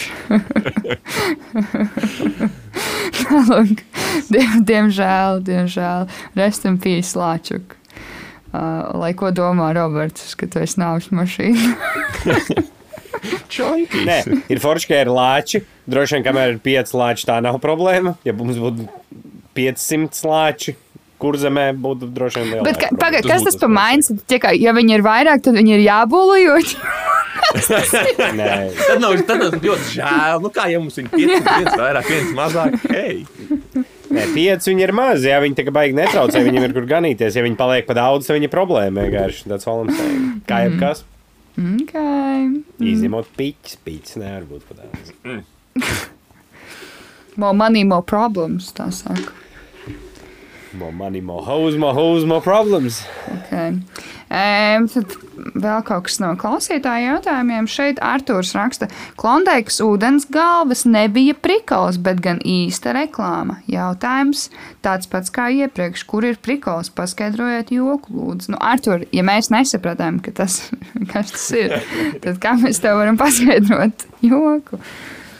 Ir pagājuši vēl divas nedēļas, ko mēs neesam par to domājuši. Mēs tagad nezinām labāk. Bet jā, tur bija kaut kāds Tas plakāts kā, par ūdens galvu. Es nezinu, kāds. Svens, ko kaut kur pieturā redzējām, tāds, ej, mēs par to podkāstu runājām. Ah, ok. Tad tu Es kaut noskaidro, kur kas ir īsti. Jo, Rīgā vai Ventspēlē, kaut kur, kaut kur es Ok. redzēju. Pēc, pēc. jo Roberts jau bija, blē, protams, 120% pārliecināts, ka tu jau uzfotošopāns, blē, es jau arī tur varu uzlikt. Blē, Tāpēc, ka ir tā cerība tam labajam, ka tas, nu, es Mm, veselajam nu jā, tā ticība tipiski. par- Parasti tas, ču, parasti tas ču, čuvaks, kas skatās on the bright side vienmēr. Nē, es vienkārši neticu, ka kāds var būt tik stulbs. Bet, Bet, nu. kā izrādās, varbūt mēs esam stulbi, ka mēs nesaprotam to prikolu. Tipa ūdens Nē, galvām mm, vairāk tā- tā taču spīni. Es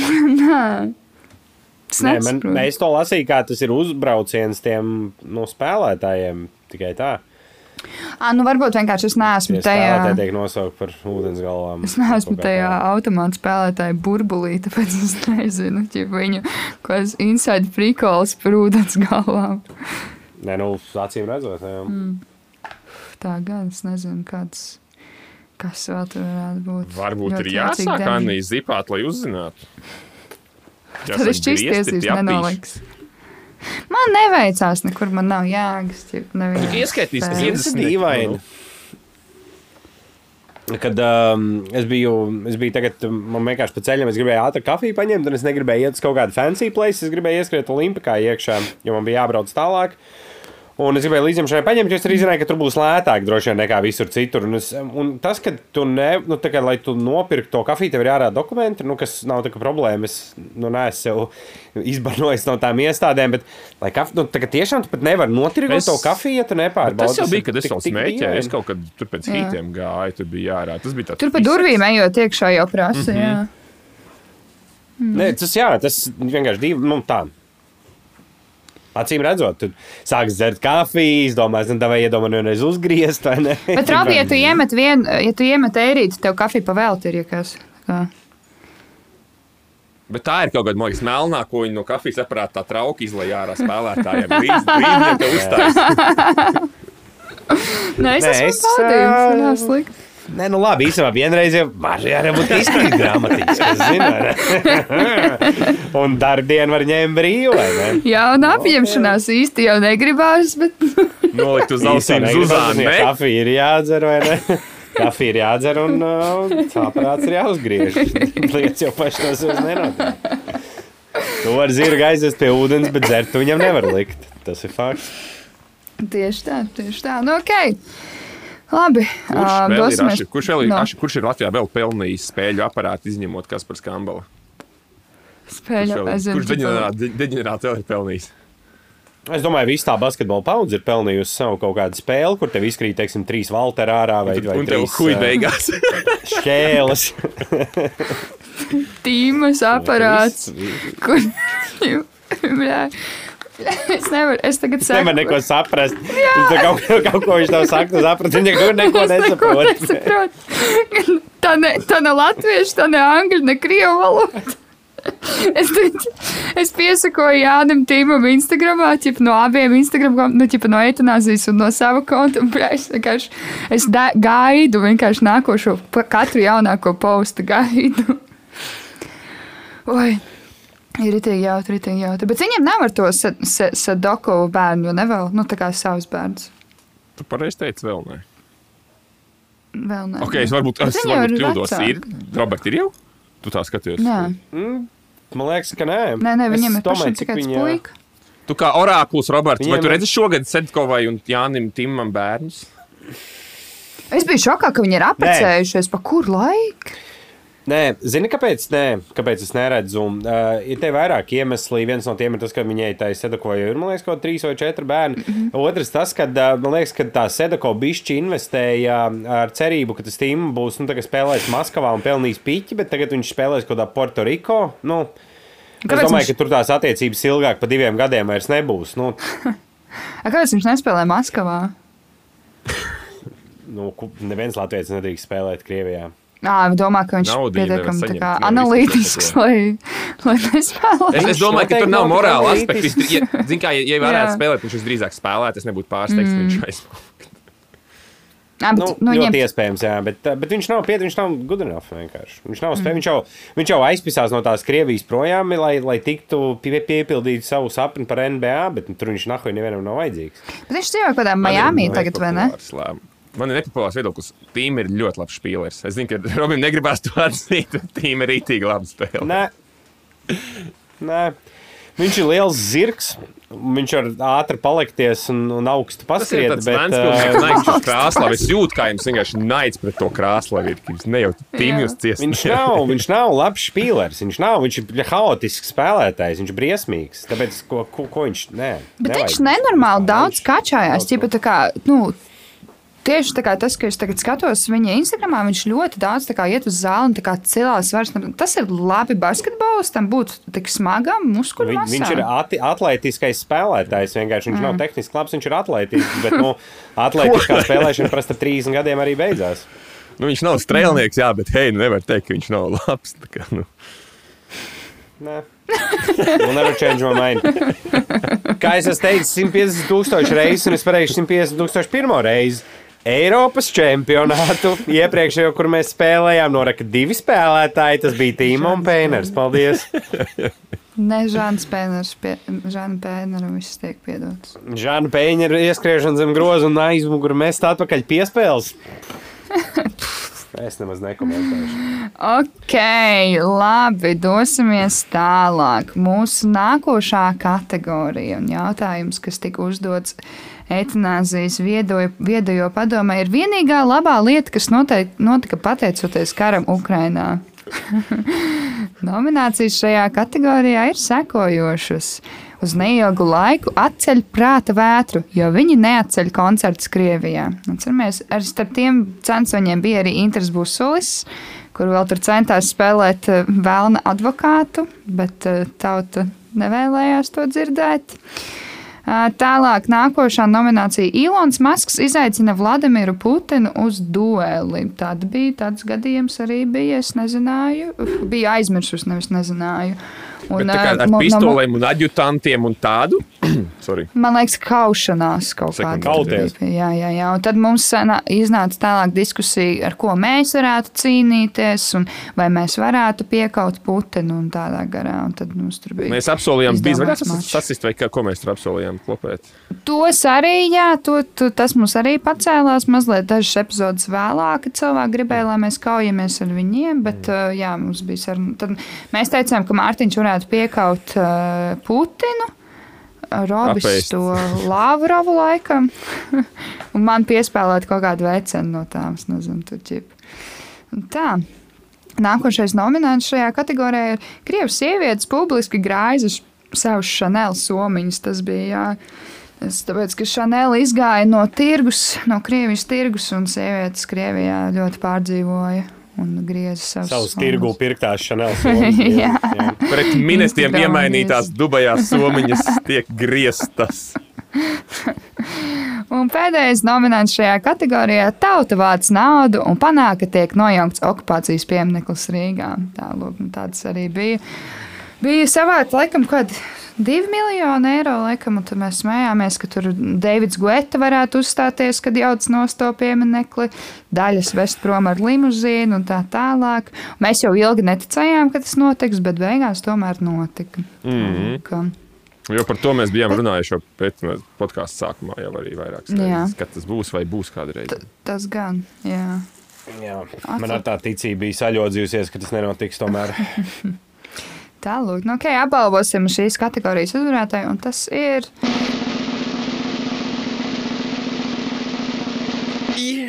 Spēcbalva, paldies Ukrainai, atā okupeklim. Un šeit video no mūsu, viens no kempera epizodēm, kur, kur tās bija dienā, kad nojauca okupācijas pieminekli, un eh, mēs visi ļoti priecājamies. Šeit es pat dzeru šampānieti. un Tā. Tālāk, tāda lieta notika šajā gadā. Tas bija, tas bija neticams moments. Un galvenais tādā tā noslēpumainībā tīc arī. Tā kā piecēlēs no rīta, oh, šit viņu jauc nost, un viss skatās laivu, ķipu, nē, nē, gāžās, gāžās, viņš vispār nav mainījies. Cilvēki, nav- kas visam pie ekrāna, lai viņš ir sagāzies, bet tas vai nav sagāzies. Jā, viņš nebija. Un um, pilnīgi visi partiju vadītāji uzskatīja par vajadzīgu ziņā stāstīt, cik tieši viņi ir ļoti daudz izdarījuši, Jā. lai tā diena pienāktu. Cik 11 gadus viņi tam veltījuši. Un... Jo Bordāns principā savām rokām viņi bija nu, nojaucis gandrīz. Visi šie ēnāvi savā prātā jau bija nojaukuši. Viņi bija vienīgie, kas vispār visu laiku teica, ka viņš ir jānojauc. Jo viņi, viņi kā viņi jau attīstībai par izkārtoja valsts valodā, tikai mācības, un tad okupēklis pēdējais bija. Viņi, viņi secīgi gāja, saprot, viņi visi kārtu. Jā, jā. Vienīgā, kas neko neteica, bija Ždanoka. Mm. Pirms tam jau bija kabūzijas, sašņurēt, ne? Jā. Pats Rīgā. Jā, tas ir tas Tu- lietas. To ir tās Tu- vēl tu- uz priekšu, tu varbūt būs. Tas vēl mums priekšā ir. Jā, tas vēl būs. Neuztraucieties. Jā, bet bija traks eh, 9, 10 un 11 maijs, un tas viss beidzās ar, ar protestiem. un Bija, bija smags, smags, grūts gads. Protams, ne tik smagi kā Ukrainā noteikti. Varētu tā būt. Tā. Šeit pie klausītāju jautājumiem mazliet ats, kā lai to saka. Uh, pat- patīrot paleti, uh, Elvijas raksta. Vienā no iepriekšējām epizodēm kāds teica, un šī ir ļoti sena epizode, ka mūsdienu bērni vispār nesaprot, kas tās ledus puķis tādas ir. Šodien brālis teica, ka visi bērni, kas, ir, kas viņa auto ir braukuši, zina, kas ir ledus puķis. Tas ir Ā, Jā, zinu, bet vai redzējuši viņi viņas ir dzīvē? Mm. Tāpat kā puzurus ārpus pamatskolas kabinetiem, ir kāds redzējis? Es varu, es varu aizbraukt Mārtiņu pie tevis šokaru, un tu vari izvest ārā Audriju un kas tam parādīt. Tas mašīnas kā izskatās. Tā braucošā performance, jā. Jā, Saldējuma vīriņš. Jā, jā, jā. Es, es nezinu, es, es pat ne, nezinu, kad es pēdējo reizi redzēju ledus puķi. Ir Bet bērni zina, tas ir svarīgākais. bērni. Tas ir svarīgāk, jā, un lai bērni. Galvenais, lai bērni zina. Tālāk. Um, ok, mauksim pie nākošās, uh, nākošās kategorijas. Mums ir ļoti daudz laiks jau pagājis. Um, tas ir 2022. gada lielākā nērāža uzbrauktuves. Nominanti šajā kategorijā ir sekojoši. Pirmais - Opis iebrauc Rīgas Rīgā maratonā. Atceramies, bija tāds pasākums kā Rīgas Rīgā maratons. Un kāds 39. gadā dzim, dzimis vīrietis ie- vienkārši izdomāja, ka viņš pabraukāsies pa maratonu teritoriju. Un, eh, viņš, policija laikam saprata, ka viņš nesaprot, kur viņš atrodas un kas notiek. Ceru, ka ir ļoti maz tādu šoferu uz, uz ceļiem šobrīd. Ha. Ā, Nākošais nominants šajā kategorijā ir auto, kas ieripoja likteņu upē, starp citu, netālu no vietas, kur Opips iebrauca maratonā. Kāda mašīna bez šofera vienkārši ieripoja gaišā dienas laikā Daugavā. Un uh, cilvēki pat īsti, man liekas, nepamirkšķināja ar aci, kad tas notika. Ka vienkārši paralēli brauc mašīna. Paralēli ielai, neviena Tā notiek. Šādi tad notiek. Un eh, pēdējais nominants šajā kategorijā ir Bolt Scooter. Nu, pret tiem šogad bija ļoti liela mel- melnā PR kampaņa. Cilvēki mīra, cilvēki kļuva par invalīdiem, bariem. 40 Desmitiem cilvēku dienā. Desmitiem Dučiem. dienā. Dučiem. Jūs gribat prikolu? Gribiet prikolu. Ja es pareizi saprotu, tad Bolts kūčam ir uzlikts ātruma ierobežotājs. Jā. Bolts kūčs cik svēr? Nu, pieņemsim, ka labā dienā 40 kg. Nu. Mm -hmm. uh, Tesla īrējama iekšā ar programmatūru. Ar visu. Kā jums liekas, viņai bija ātruma bloķis uzlikts, kas vakarā liekas. uztaisīja? Nē. Kā jums liekas, cik Tesla svēr? Kāds tonus, ne? Tesla nebrauc pie ietu. Kā vakar brauca? Par to jau bazars, ka tieši vakar brauca. Nu, par to jau Roberts Bazars, ka viņi vakar brauca uz 150. Pārbrauc ietvēju pāri. Nu, Nu, jā, bet es, es- pats nu, saprotu, ka reāli viņai pilsētā nav vajadzīga tik ātri braukt. Uzpisiņā 70 km/h. Tu, tu atbalsti tādu ierobežojumu? Teslai? Īres Teslai. Nē, Tā ir īres Tesla. Nē nu, īris. Īres Tesla tā. Nomas Tesla. Nomas Tesla. Nomas Tesla. Bet, Tagad es ehm, atbalstu, Robert, vai tu atbalsti nomas Teslai 70 km/h pilsētā? Ja skūterim ir uzlikts skūterim limits, tad vai nu nekam vai visiem? Hei, 70. Es, es nezinu, ne, nu labi. No, nē, tas varētu būt kā, kā nomas uh, uzņēmuma kaut kāda tas iekšējā politika. stulbi, Viņi varētu bet... likt ierobežojumus, bet valstiski es neatbalstu tādas ierobežojumus. Ne. Visiem ir jāgāž. Bet, kā, bet kāds ir iemesls atļaut Kā ātrāk? te, a, ko tu darīsi, ja tu, piemēram, iesēdies tagad sniegā iekšā un tev vajag izpolēt, un tev ir riteņš ātrāk pagriezt? Nu, bet tāpēc, ja ka tu īrē to mašīnu, negriezās ātrāk pa 50. Pasauc vienkārši Nu, bļet, tu vari tagad izdarīt. Tad, zini, kā Nē, nu, stumā bļet, ārā, nē, bet tas- stumā ārā. Viss, nu, stumā ārā domā kaut ko citu. Nē, nē, nē, nē. kategoriski pret. Čipa, cik tik bieži tā notiek tā situācija? Droši vien biežāk kā dzē, nu, dzērāja šoferi vai ne? Čipa. Jā, Bet tur ka jā. es, ne, es neuzskatu, ka tas būtu kādam. Es domāju, ka cilvēkiem pašiem ir jāprot uzvesties. Un, No mums nav vajadzīgs, 23 lai mūs gadīgam čūkam pasaka, lai viņš Pipelē. iemācās uzvesties. Bļa, jā, pasaka viņam, ja pamāc 20, uzvesties. 23 gadīgam čūkam pirmkārt būtu jābūt tik fucking augstam prēmijumam, ka viņš nevar atļauties Teslu paņemt. Bet kā, uh, kāds Apdrošināšanas prēmijumam ir jābūt tik augstam. Vienkārši, ka, nu, bet tu zini, kāda ir noteikumi tam, kā viņš saucās? Oks Ride? Oks Drive. Hmm. Kādi tur ir noteikumi? Es nezināju vispār, ka ir tāds. Un tā kokines, ķipa, ķipa pa, ņemt Teslu un braukt. bre. Nu, brauc pie mazajām, brauc ar Teslu, loģiski. Tā, kur varētu būt fuck you? Tā, how does pricing work?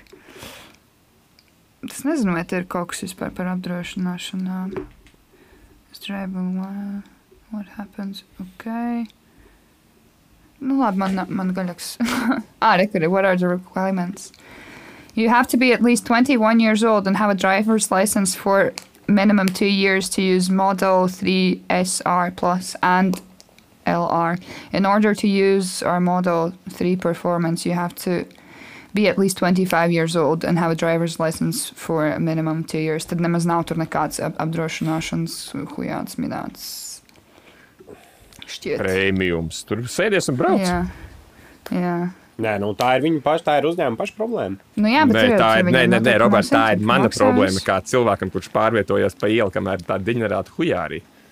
Tā nav uzņēmuma problēma. Nu, Deģenerāti vienmēr ir Mārtiņa. Nu, tu, Bet, ja ir iespēja no tā izvairīties likuma, Nu, jā, preventīvi. tad, Tieši tā. Tie likumi jau Skūčam arī varētu būt. uzliek, lai netraumētu. Tieši tā. Viņš jau nav ķipa, tā kā, tas ierobežojums jau nav tā kā, lai tev būtu sliktāka Tu dzīve. jau neliec pa kā braukt. Preventīvs nebrauc ātrāk kā pasākums. 70 km/h. Es tev neliedzu pa to ietvaru braukt. Tikai tik ātri nebrauc. nu, Bet es nezinu, ka viņām var izvēlēties, iestāties. cik ātri viņš var pabraukt, izvērtēt savu spēju. Arī ar skūteri es uzskatu, ja es, man ir ļoti bieži gribējies daudz ātrāk, lai viņš iet. Nu. Bet varbūt tad arī atlikt stāvoklī vajadzētu atļaut braukt, ja var ātrumu izvēlēties. Nu, jā, vienkārši uzmanīgi. Tas risks, ja, jā. tu esi, ja tu esi gatavs par, maksāt par konsekvencēm, ko tu izraisi, brauc. Okay. Um, es gribētu apsveikt šīs uh, kategorijas uzvarētāju. Uh, lielākā nerežas brauktuves, tātad uh, etnāzijas drošas braukšanas skoliņas balva pienākas Opim, kurš iebrauca maratonā. Uh, es atceros šo fotografiju, tā ir ar Roberta Range Rover. Es iebraucu. Jā, maratonu. kur Roberts iebrauc maratonā, jo viņam nebija uzlikts limits.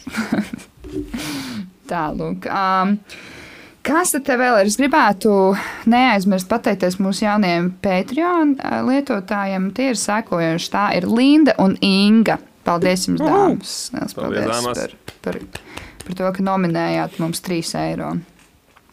Tālāk, ok, mauksim pie pā, nākošās eh, kategorijas. Kā lai tā pagaida, kāpēc man. Oi, es esmu izlaidusi. Ah, nē, es neesmu izlaidusi nevienu. Atvainojiet, tehniskas ģimenes.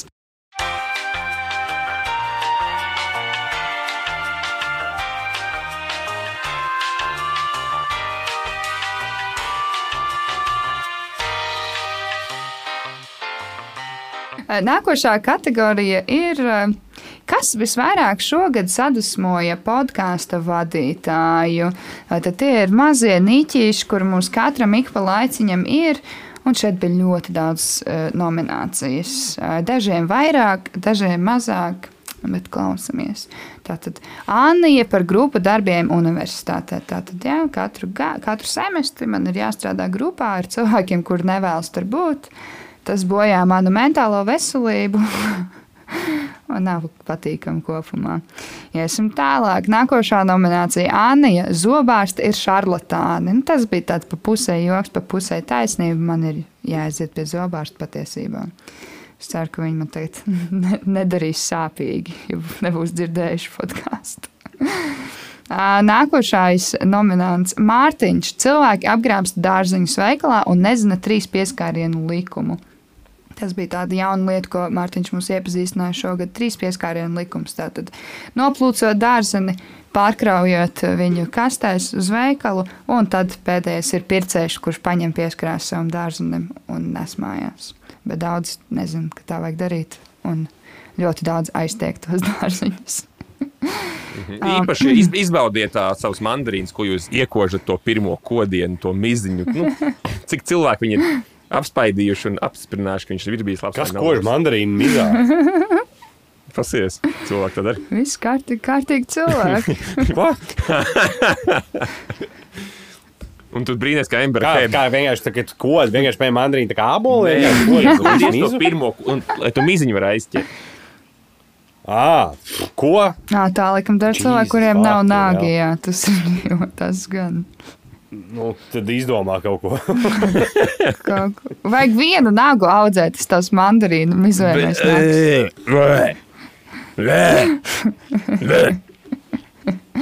Tālāk, nākošais nominants šajā kategorijā ir Roberts un Klaus Švābe. Tad Es vēlos pajautāt, ekonomika vai, Robert, var- vai nevajag labot uz latviskot Klaus Švāps? Šī man, šī- šīs dienas doma bija tāda. Tev kā Bet valodniekam. uh, lat, lat, ir arī latviešu valodā līdzīgi uzvārdi, kas ir ar e-beidzās. Jā, Es nezinu, jā. bet es, es redzēju kādu kungu, kuram, kurš bija latviskots kā Švāps. Tāpēc tas tā. Švāps ir, man liekas, tā ir kaut kāda tauta, tautas apzīmējums kaut kāds. Reģiona tā kā, jā. Tā kā E, Kaut kas tāds, jā. būs jāpēta. Tas ir, jā, jā. bet tas man, nē, ja jūs vēlaties par Klaus Švābu, uh, es sapratīšu, par ko jūs runājat. Okay. Nākošais, nākošā nominācija šajā kategorijā - Roberts 40 miljonu ebreju kopienai Latvijā. Šis, šis, bija, šis bija tāds, varbūt arī saistīts ar Klausu Švābu, varbūt mazliet. Nākošais nominēts šajā kategorijā - Roberts Jāņem groziņš veikalā. Tas bija gada sākumā ļoti, ļoti traki. Visi jutām līdzi Roberta sāpēji. Un pēdējā nominācija šajā kategorijā - Roberts majonēzes cena Teksmeksā. Tas arī Cik bija atgādina? patiesībā. Pusotrs? Divi, divi. Kaut ko. Nē, divi nebija eiro 80. Man liekas, tā ir. Nu, labi, tagad ir tad divi. pa- Es ātri čaju, tagad ir pāri pa divi eiro. Nu, nevar. Tas ir simt punkti. Simt punkti, Bet- jā, es zinu. Es zinu, es zinu, mēs bijām paciņu? kaut kad ēst. Divi Nu, nē, bija pāri divi eiro, 2,20 vai 2,40. ir. What the fuck? Jā, jā, jā. Es pastīšos, Tas cik mazais hujātiņš. Man tas- uh, šoms atsūtīja pirms kādas nedēļas bildi, kur viņam pie maltītes trīs dažādas mērķis, skaisti dzīvotnē. Jā, jā. Iemet, ie- iemet, iemet teksmēks ēdienu kārtu apskaties. Es saku, skatos, 2,20 piemēram, es skatos uh, Barbarā uh, majonēzi sveiks Provāns 250 ml, eiro 23. Majonēzi- Majonēzes pilva brokastu arī 250 gramu. Eiro un 3 centi. Tagad, tagad tie, kas ir runa? strādājuši un strādā industrijā, saka, šitie neko nesaprot. Kā tad lai mēs nopelnām? Nu, tā kā on. Ar- Es jau arī Tā ir normāla ēdiena. ko Ar cilvēki ēdienu grib nopelnām ēst, tieši bļaļ. tā. O, oh, Nacho Grande 6 eiro. Tā tu lai pastīsimies mērcītes. Bet, oh, mērķis pēc izvēles eiro 80 joprojām. Barbecue, ķiploku, salsa, krējums. Nē, nē. majonēze, tomātu un burgeru. Tas ir eh, interesanti, jā. Tā teksmeks, naks.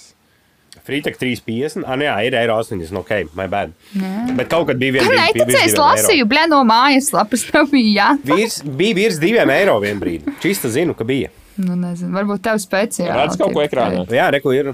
Jā, jā. Tūlītās divi. Nu, Tas ir, tas Tas ir ir boltā. Jā, Tas ir par piegādi. bet Tā ir vienkārši tā ir vecā, nē, tā ir vecā ēdienkarte. Jo es zinu, ka Ah. mēs ar Mārtiņu bijām kaut kad ēst, un viņi teica, ka viņi kaut kad ap Ziemassvētkiem jauno gadu mainīs ēdienkarti, un ka tad būs lētāk. Un Tas bija ir 2,20 mērķis. Tas ir reāli. Jums vajadzētu nokaunēties par sevi. 2,20. reāli ir, ir, pat- ir vietas, kā nu, tu vari atrast lielās pilsētās, vietas, kur tu vari full maltīti dabūt. Nu, kaut kāds rīsas, nu, Jā. vegan stuff. Ej, tu dirst. 2,20 par majonēzi. Es, okay. es esmu no tās skolas, kas uzskata, ka mērķiem ir pa lielam jābūt pa velti. Nu, Uztaisīt jā. garšīgu ēdienu, un es iešu pie tevis ēst, bet tas keits viņš neko nemaksā. Neko. Lies man justies labi, lai es gribu iet tur un ēst. Lielais dzeltenais spēks, iekšā, viņš jau tāpat neko manā nemaksā. priekšā atnāca un uzmet man uz tā šķīra. Ja es sevi, sa- Šis ja es, nav aizmirsts, nav piedots. ja es savu uzņēmumu sauktu par restorānu, man vispār būtu kauns likt kečupu majonēzi uz ēdienkartes. Nu, viņi nav restorāns. Nu. Kas tad viņi ir? Viņi ir meksikāņu restorāns. Hesīts arī ir restorāns Nu, teorētiski. labi, jā. Nu, Hesīts ir fast food restorāns. Nu, fast food restorāns, Visi, bet visi ir nav skaidrs, visi ir restorāni. Viņi gedīt. Visi ir Ok. dabūjuši zilo Labi. nozīmīt par piedalīšanos. Nu, nu. Sveiksim šīs kategorijas uzvarētāju, un tas ir. -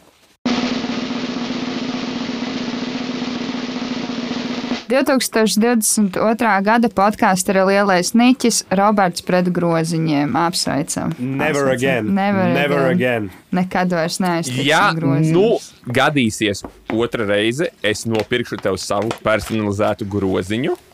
Ar, ar, ar ādas bārkstīm, ar spaikiem, ar, ar, ar bierholderu. Es, es izdomāšu, kā, bet tev būs savs groziņš. Un es iešu veikalā, un lai apsargstu rokās manu grozījumu. Ķipas, kā tas nāk līdzi. nu, jā, nu. Mēs runājām par to, ka jā, mēs viņam varētu uzdāvināt. Tā, ok, labi, iesim pie nākošās kategorijas. Tududī.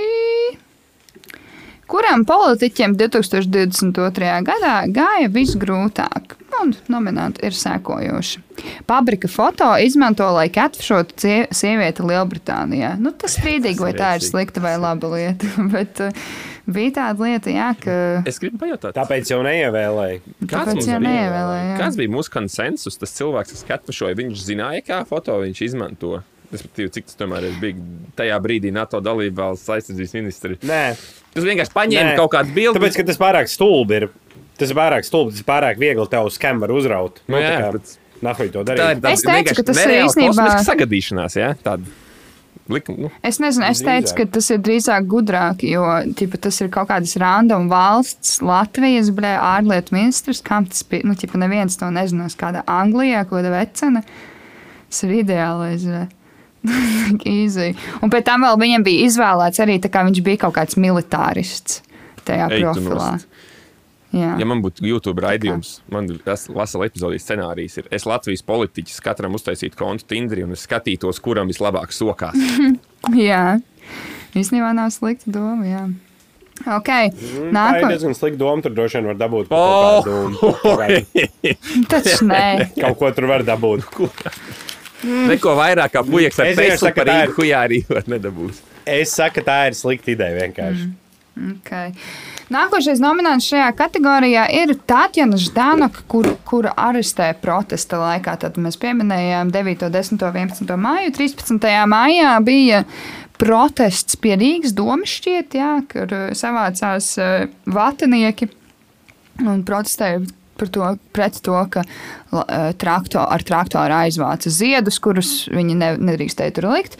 Tātienas Ždanoka ieplēsās tur pat taisno no Briseles un tikko kā pacēla plakātu, tā viņu ielika policijas busiņā. Tālūk. Jūs kāds vieta par cik viņu anekdotei. atbrīvoja? Vai? Uh, viņi, nezinu, viņi dabūja nakti pat nosēdēt. Mēs smējām, Robs teica, ka viņi droši vien uzreiz pa otru busiņu pusi izgāja ārā. Jā, jā. Bet tā anekdote vajag par putni. Zīli un ždanoku, kas lido no Briseles, un kaut kas notiek, un tad kaut kas ir jāmet ārā. Un... Šis jānoslīpē vēl, jā. Bet ir, bet ir. Ierakst, pierakst to, lai neaizmirst. Jā, jā. Nākošajā. Ā, nāko, nākošā nominācija ir Gobzems netiek saimā. Jā, Gobzems gadiem ilgi strādāja pie, pie savas misijas un izšāva izšāva rīkstus un netika tomēr saimā. Tad viņš ir apvainojies uz visiem un uh, turpina postot no Spānijas, cik unhinged viņš ir. Viņš nesen pārdevis savu Baltasaru mājokli par 300 Roberts? tūkstošiem. Nokomentēju. Bet lēti īstenībā. 300 Baltazarā nav dārgi. Mm. Um, Vai varbūt viņš paņēma daļu kašā, teikt- nevis lēti pārdeva Robertu. Varbūt. visdrīzāk, jā, tas ir aizdomīgi. Lēti 300 tūkstoši eiro Baltazarā, ja tas nav galīgi tālu no ezera vēl projām diez vai. Um, Tas, ko es gribēju pateikt, ka, ja es nekļūdos, viens no mums teica, ka Gobzems netiks saimā. teici? Es teicu, kā lokomotīva partijas. Jā, man liekas, ka mēs teicām, ka tiks. Bet to arī kaut kad teica, to, ka Jā. vēl par agri spriest, un vēl redzēsim, vēl visādi. Jā, jā, jā. Tu jau vienmēr sev saglabā, lai var. Un, ne, jā, un neilgi pēc tam mēs uzlikām veto uz gobzem. Tā Jā. nav. Jā. Bet uh, bez pārsteiguma es jau, es jau viņam, viņam vienu brīdi bija potenciāls labs dabūt labu momentu, bet viņš pārāk ātri sāk. Viņš uh, maratonu sāk kā sprints skriet. Mm. Jā, to, to tieši to pašu teicu. Bet tā, viņš tiešām. Bet, nu, bet mēs redzam, to, ka tu sabiedrībai vienā brīdī apniktu. Divi gadi bija, kaut pusotrs gads jau bija palicis. Viņš pat pa, pa, nevarētu. Nu, paskatoties to sentimentu viņa komentāros, tur ritīgi, tā kā cilvēki to mums piedirsi, apmēram nu, līdzīgi kā ar kaimiņu. Tā kā cilvēki ir apvainojušies uz viņu, tie viņa vēlētāji. Jo redzi, redz, kur, redz, kur nospēlējis, ne, nospēlēja pieredzīt, jo Šlesers reku tik iekšā. Mm, runājot par Šlēsaru, viņš ir nākošais nominants šajā mm. kategorijā. Viņam bija jāatgriežas saimā. Tas viņam bija Nabadzīgs. visgrūtākais. Nabaga Šlēsers. Cik saprotu, viņa di dipšīt dēls arī ir. Saimnes liekas, vai viņi dzīvo vienā mājā, kurš kuru ceļu, kā viņi brauc uz darbu? Jā, es, es domāju, ka viņi no, tas kā tam puisim.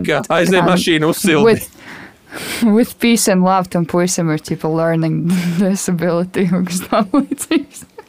Viņš, Es, viņš es, es zinu, noteikti ka vēl dzīvo būs, aprūpē. šis būs ļoti slikti no manas puses, tāpēc tiesājiet man pēc iespējas skarbāk. Es vienreiz redzēju, kā viņš izteicās, un es ļoti cerēju, ka žurnālisti tā kā savstarpēji vienosies un tā kā viņi mērķiecīgi nu, tā kā intervēs.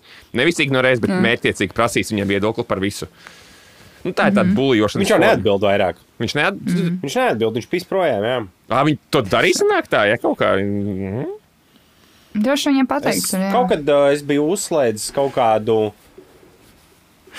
Kad, tas bija? Kāpēc man bija televizors? Kaut kad man bija televizors ieslēgts kaut kad šīs nedēļas Oh, laikā. Un, uh, Miljonārs. gāja, gāja kaut kāds tas, um, kaut kāds tas pētnieciskais uh, nu, ķipa, raidījums. Inga zvanīja kādam? Viņam prasīja.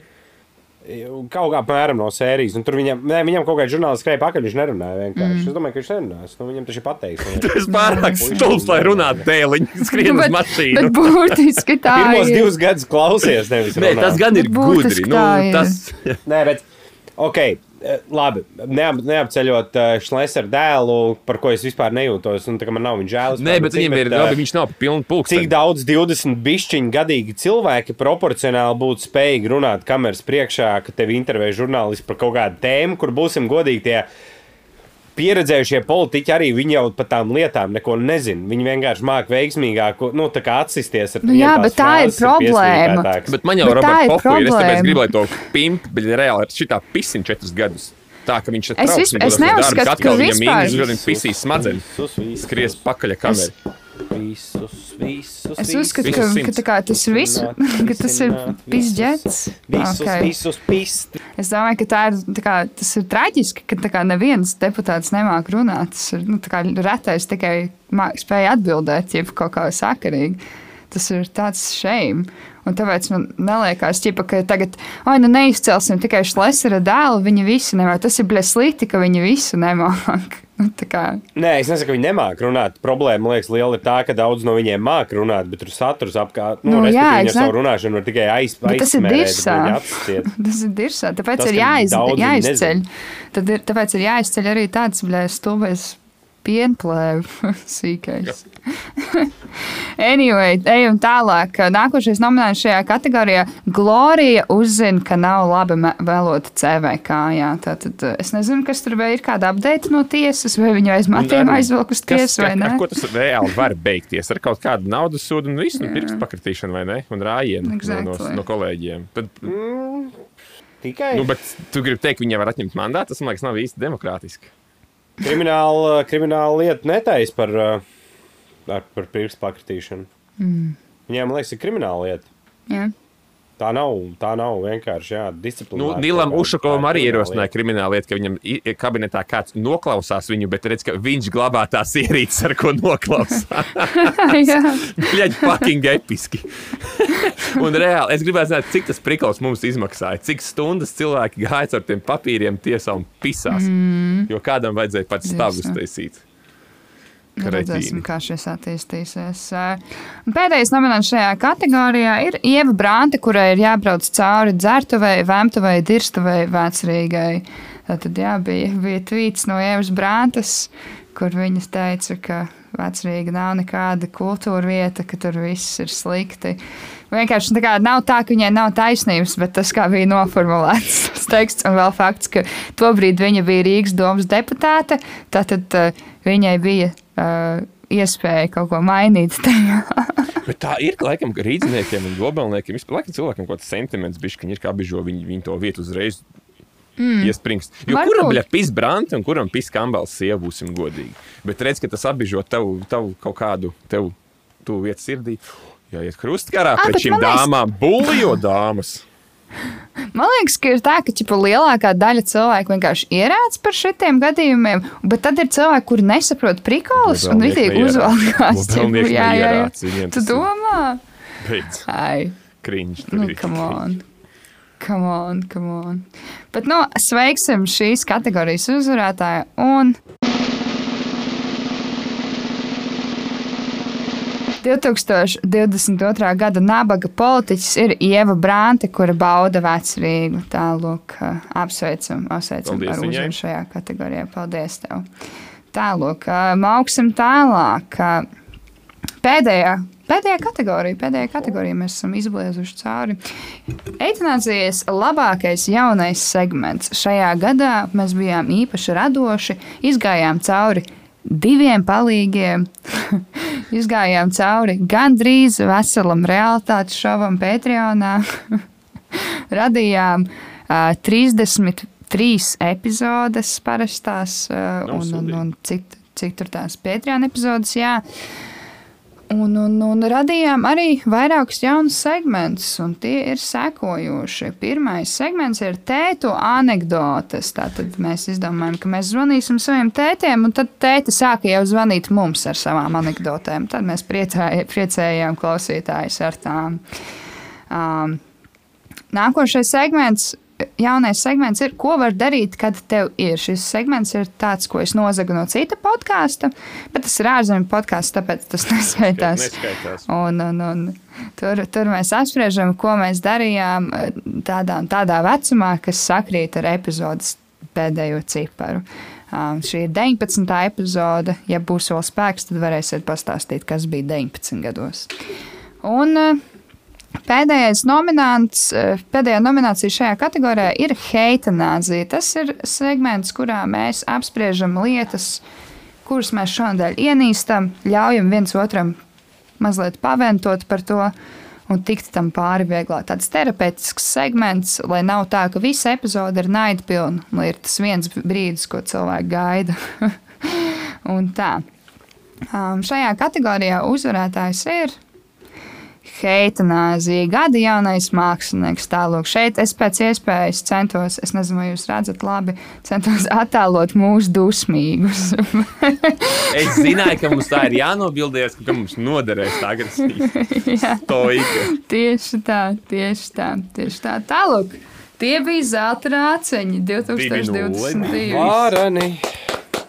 Vārani. Lieliski atcerēties šo gadu. Paldies, ka bijāt ar mums, klausītāji. Paldies, kolēģi, ka bijāt ar, ar mani šajā gadā. Un uz nākošo gadu man ir jāizdomā kaut, kād, kaut kāds veids, kā vieglāk uh, sakrāt tās tēmas, jo pizdzēts grūti ir klausīties. kā Bet skaties, skaties no gaišās puses, tev ir Spotify rap jau zināms, kurš tev būs klausītākais podkāsts. kā. Tas gan, tas gan, tas Jau. gan. Noteikti. Es uz beigām jau sāku klausīties ar, ar uh, 1,5 spīdu.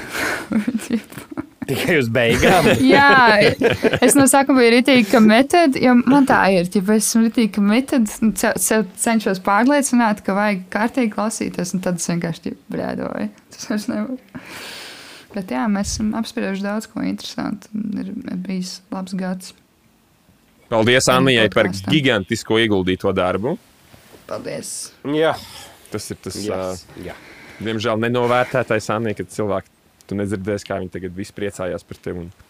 Tas gan, pa tas gan. Nu, kur tad es, bet nu, kur tad es citur dirsā likšos, ja ne? Ja ne? Ir, ir viens veids, kā pateikt mums paldies, un tas ir tā kā laižot tautās tālāk mūsu, pastāstot par mums Jā, draugiem. stāstot. Tā uzmācīgi. draugiem, jā. Vislabāk ir tā kā sanākt kopā, ej, paklausies šito un ieslēdz stundu garu epizodi. Jā, jā, jā, arī mēs jau esam teikuši dažādos. Iesakot Patreonā, baļķa. Arī, jā. Mēs jau esam stāstījuši, ka dažādos kaut kādos ģimenes pasākumā vai korporatīvajā pasākumā, ja ir tumbiņa, ir Bluetooth, ej, es mazliet uzlikšu. Vai braucot, piemēram, ja tu brauc kāršērā kādā, ja tu brauc Ventspils, Rīga, Rīga, Ventspils, tā kā, hei, var pieslēgties mašīnas Bluetooth, jā, chill, un uzliec eitanāziju. Jā. Ja tu dzirdi kādu sakām, runājiet tagad vai klusējiet mūžam, tu zini, kas tev ir jādara. Tev ir jārunā tagad. Tieši tā, tieši tā. Tieši tā ir laiks. Tālāk, nu, ja jums vairs nav ko kungi pievienot, tad mēs varam slēgt šo bodīti cietu. Šis bija cool. Tā arī darām. Nu, ok, sarunāts. Lielas paldies atkal un tiekamies nākošais. Laimīgi jaunā gada! Čau! Čau! Tā. Tā.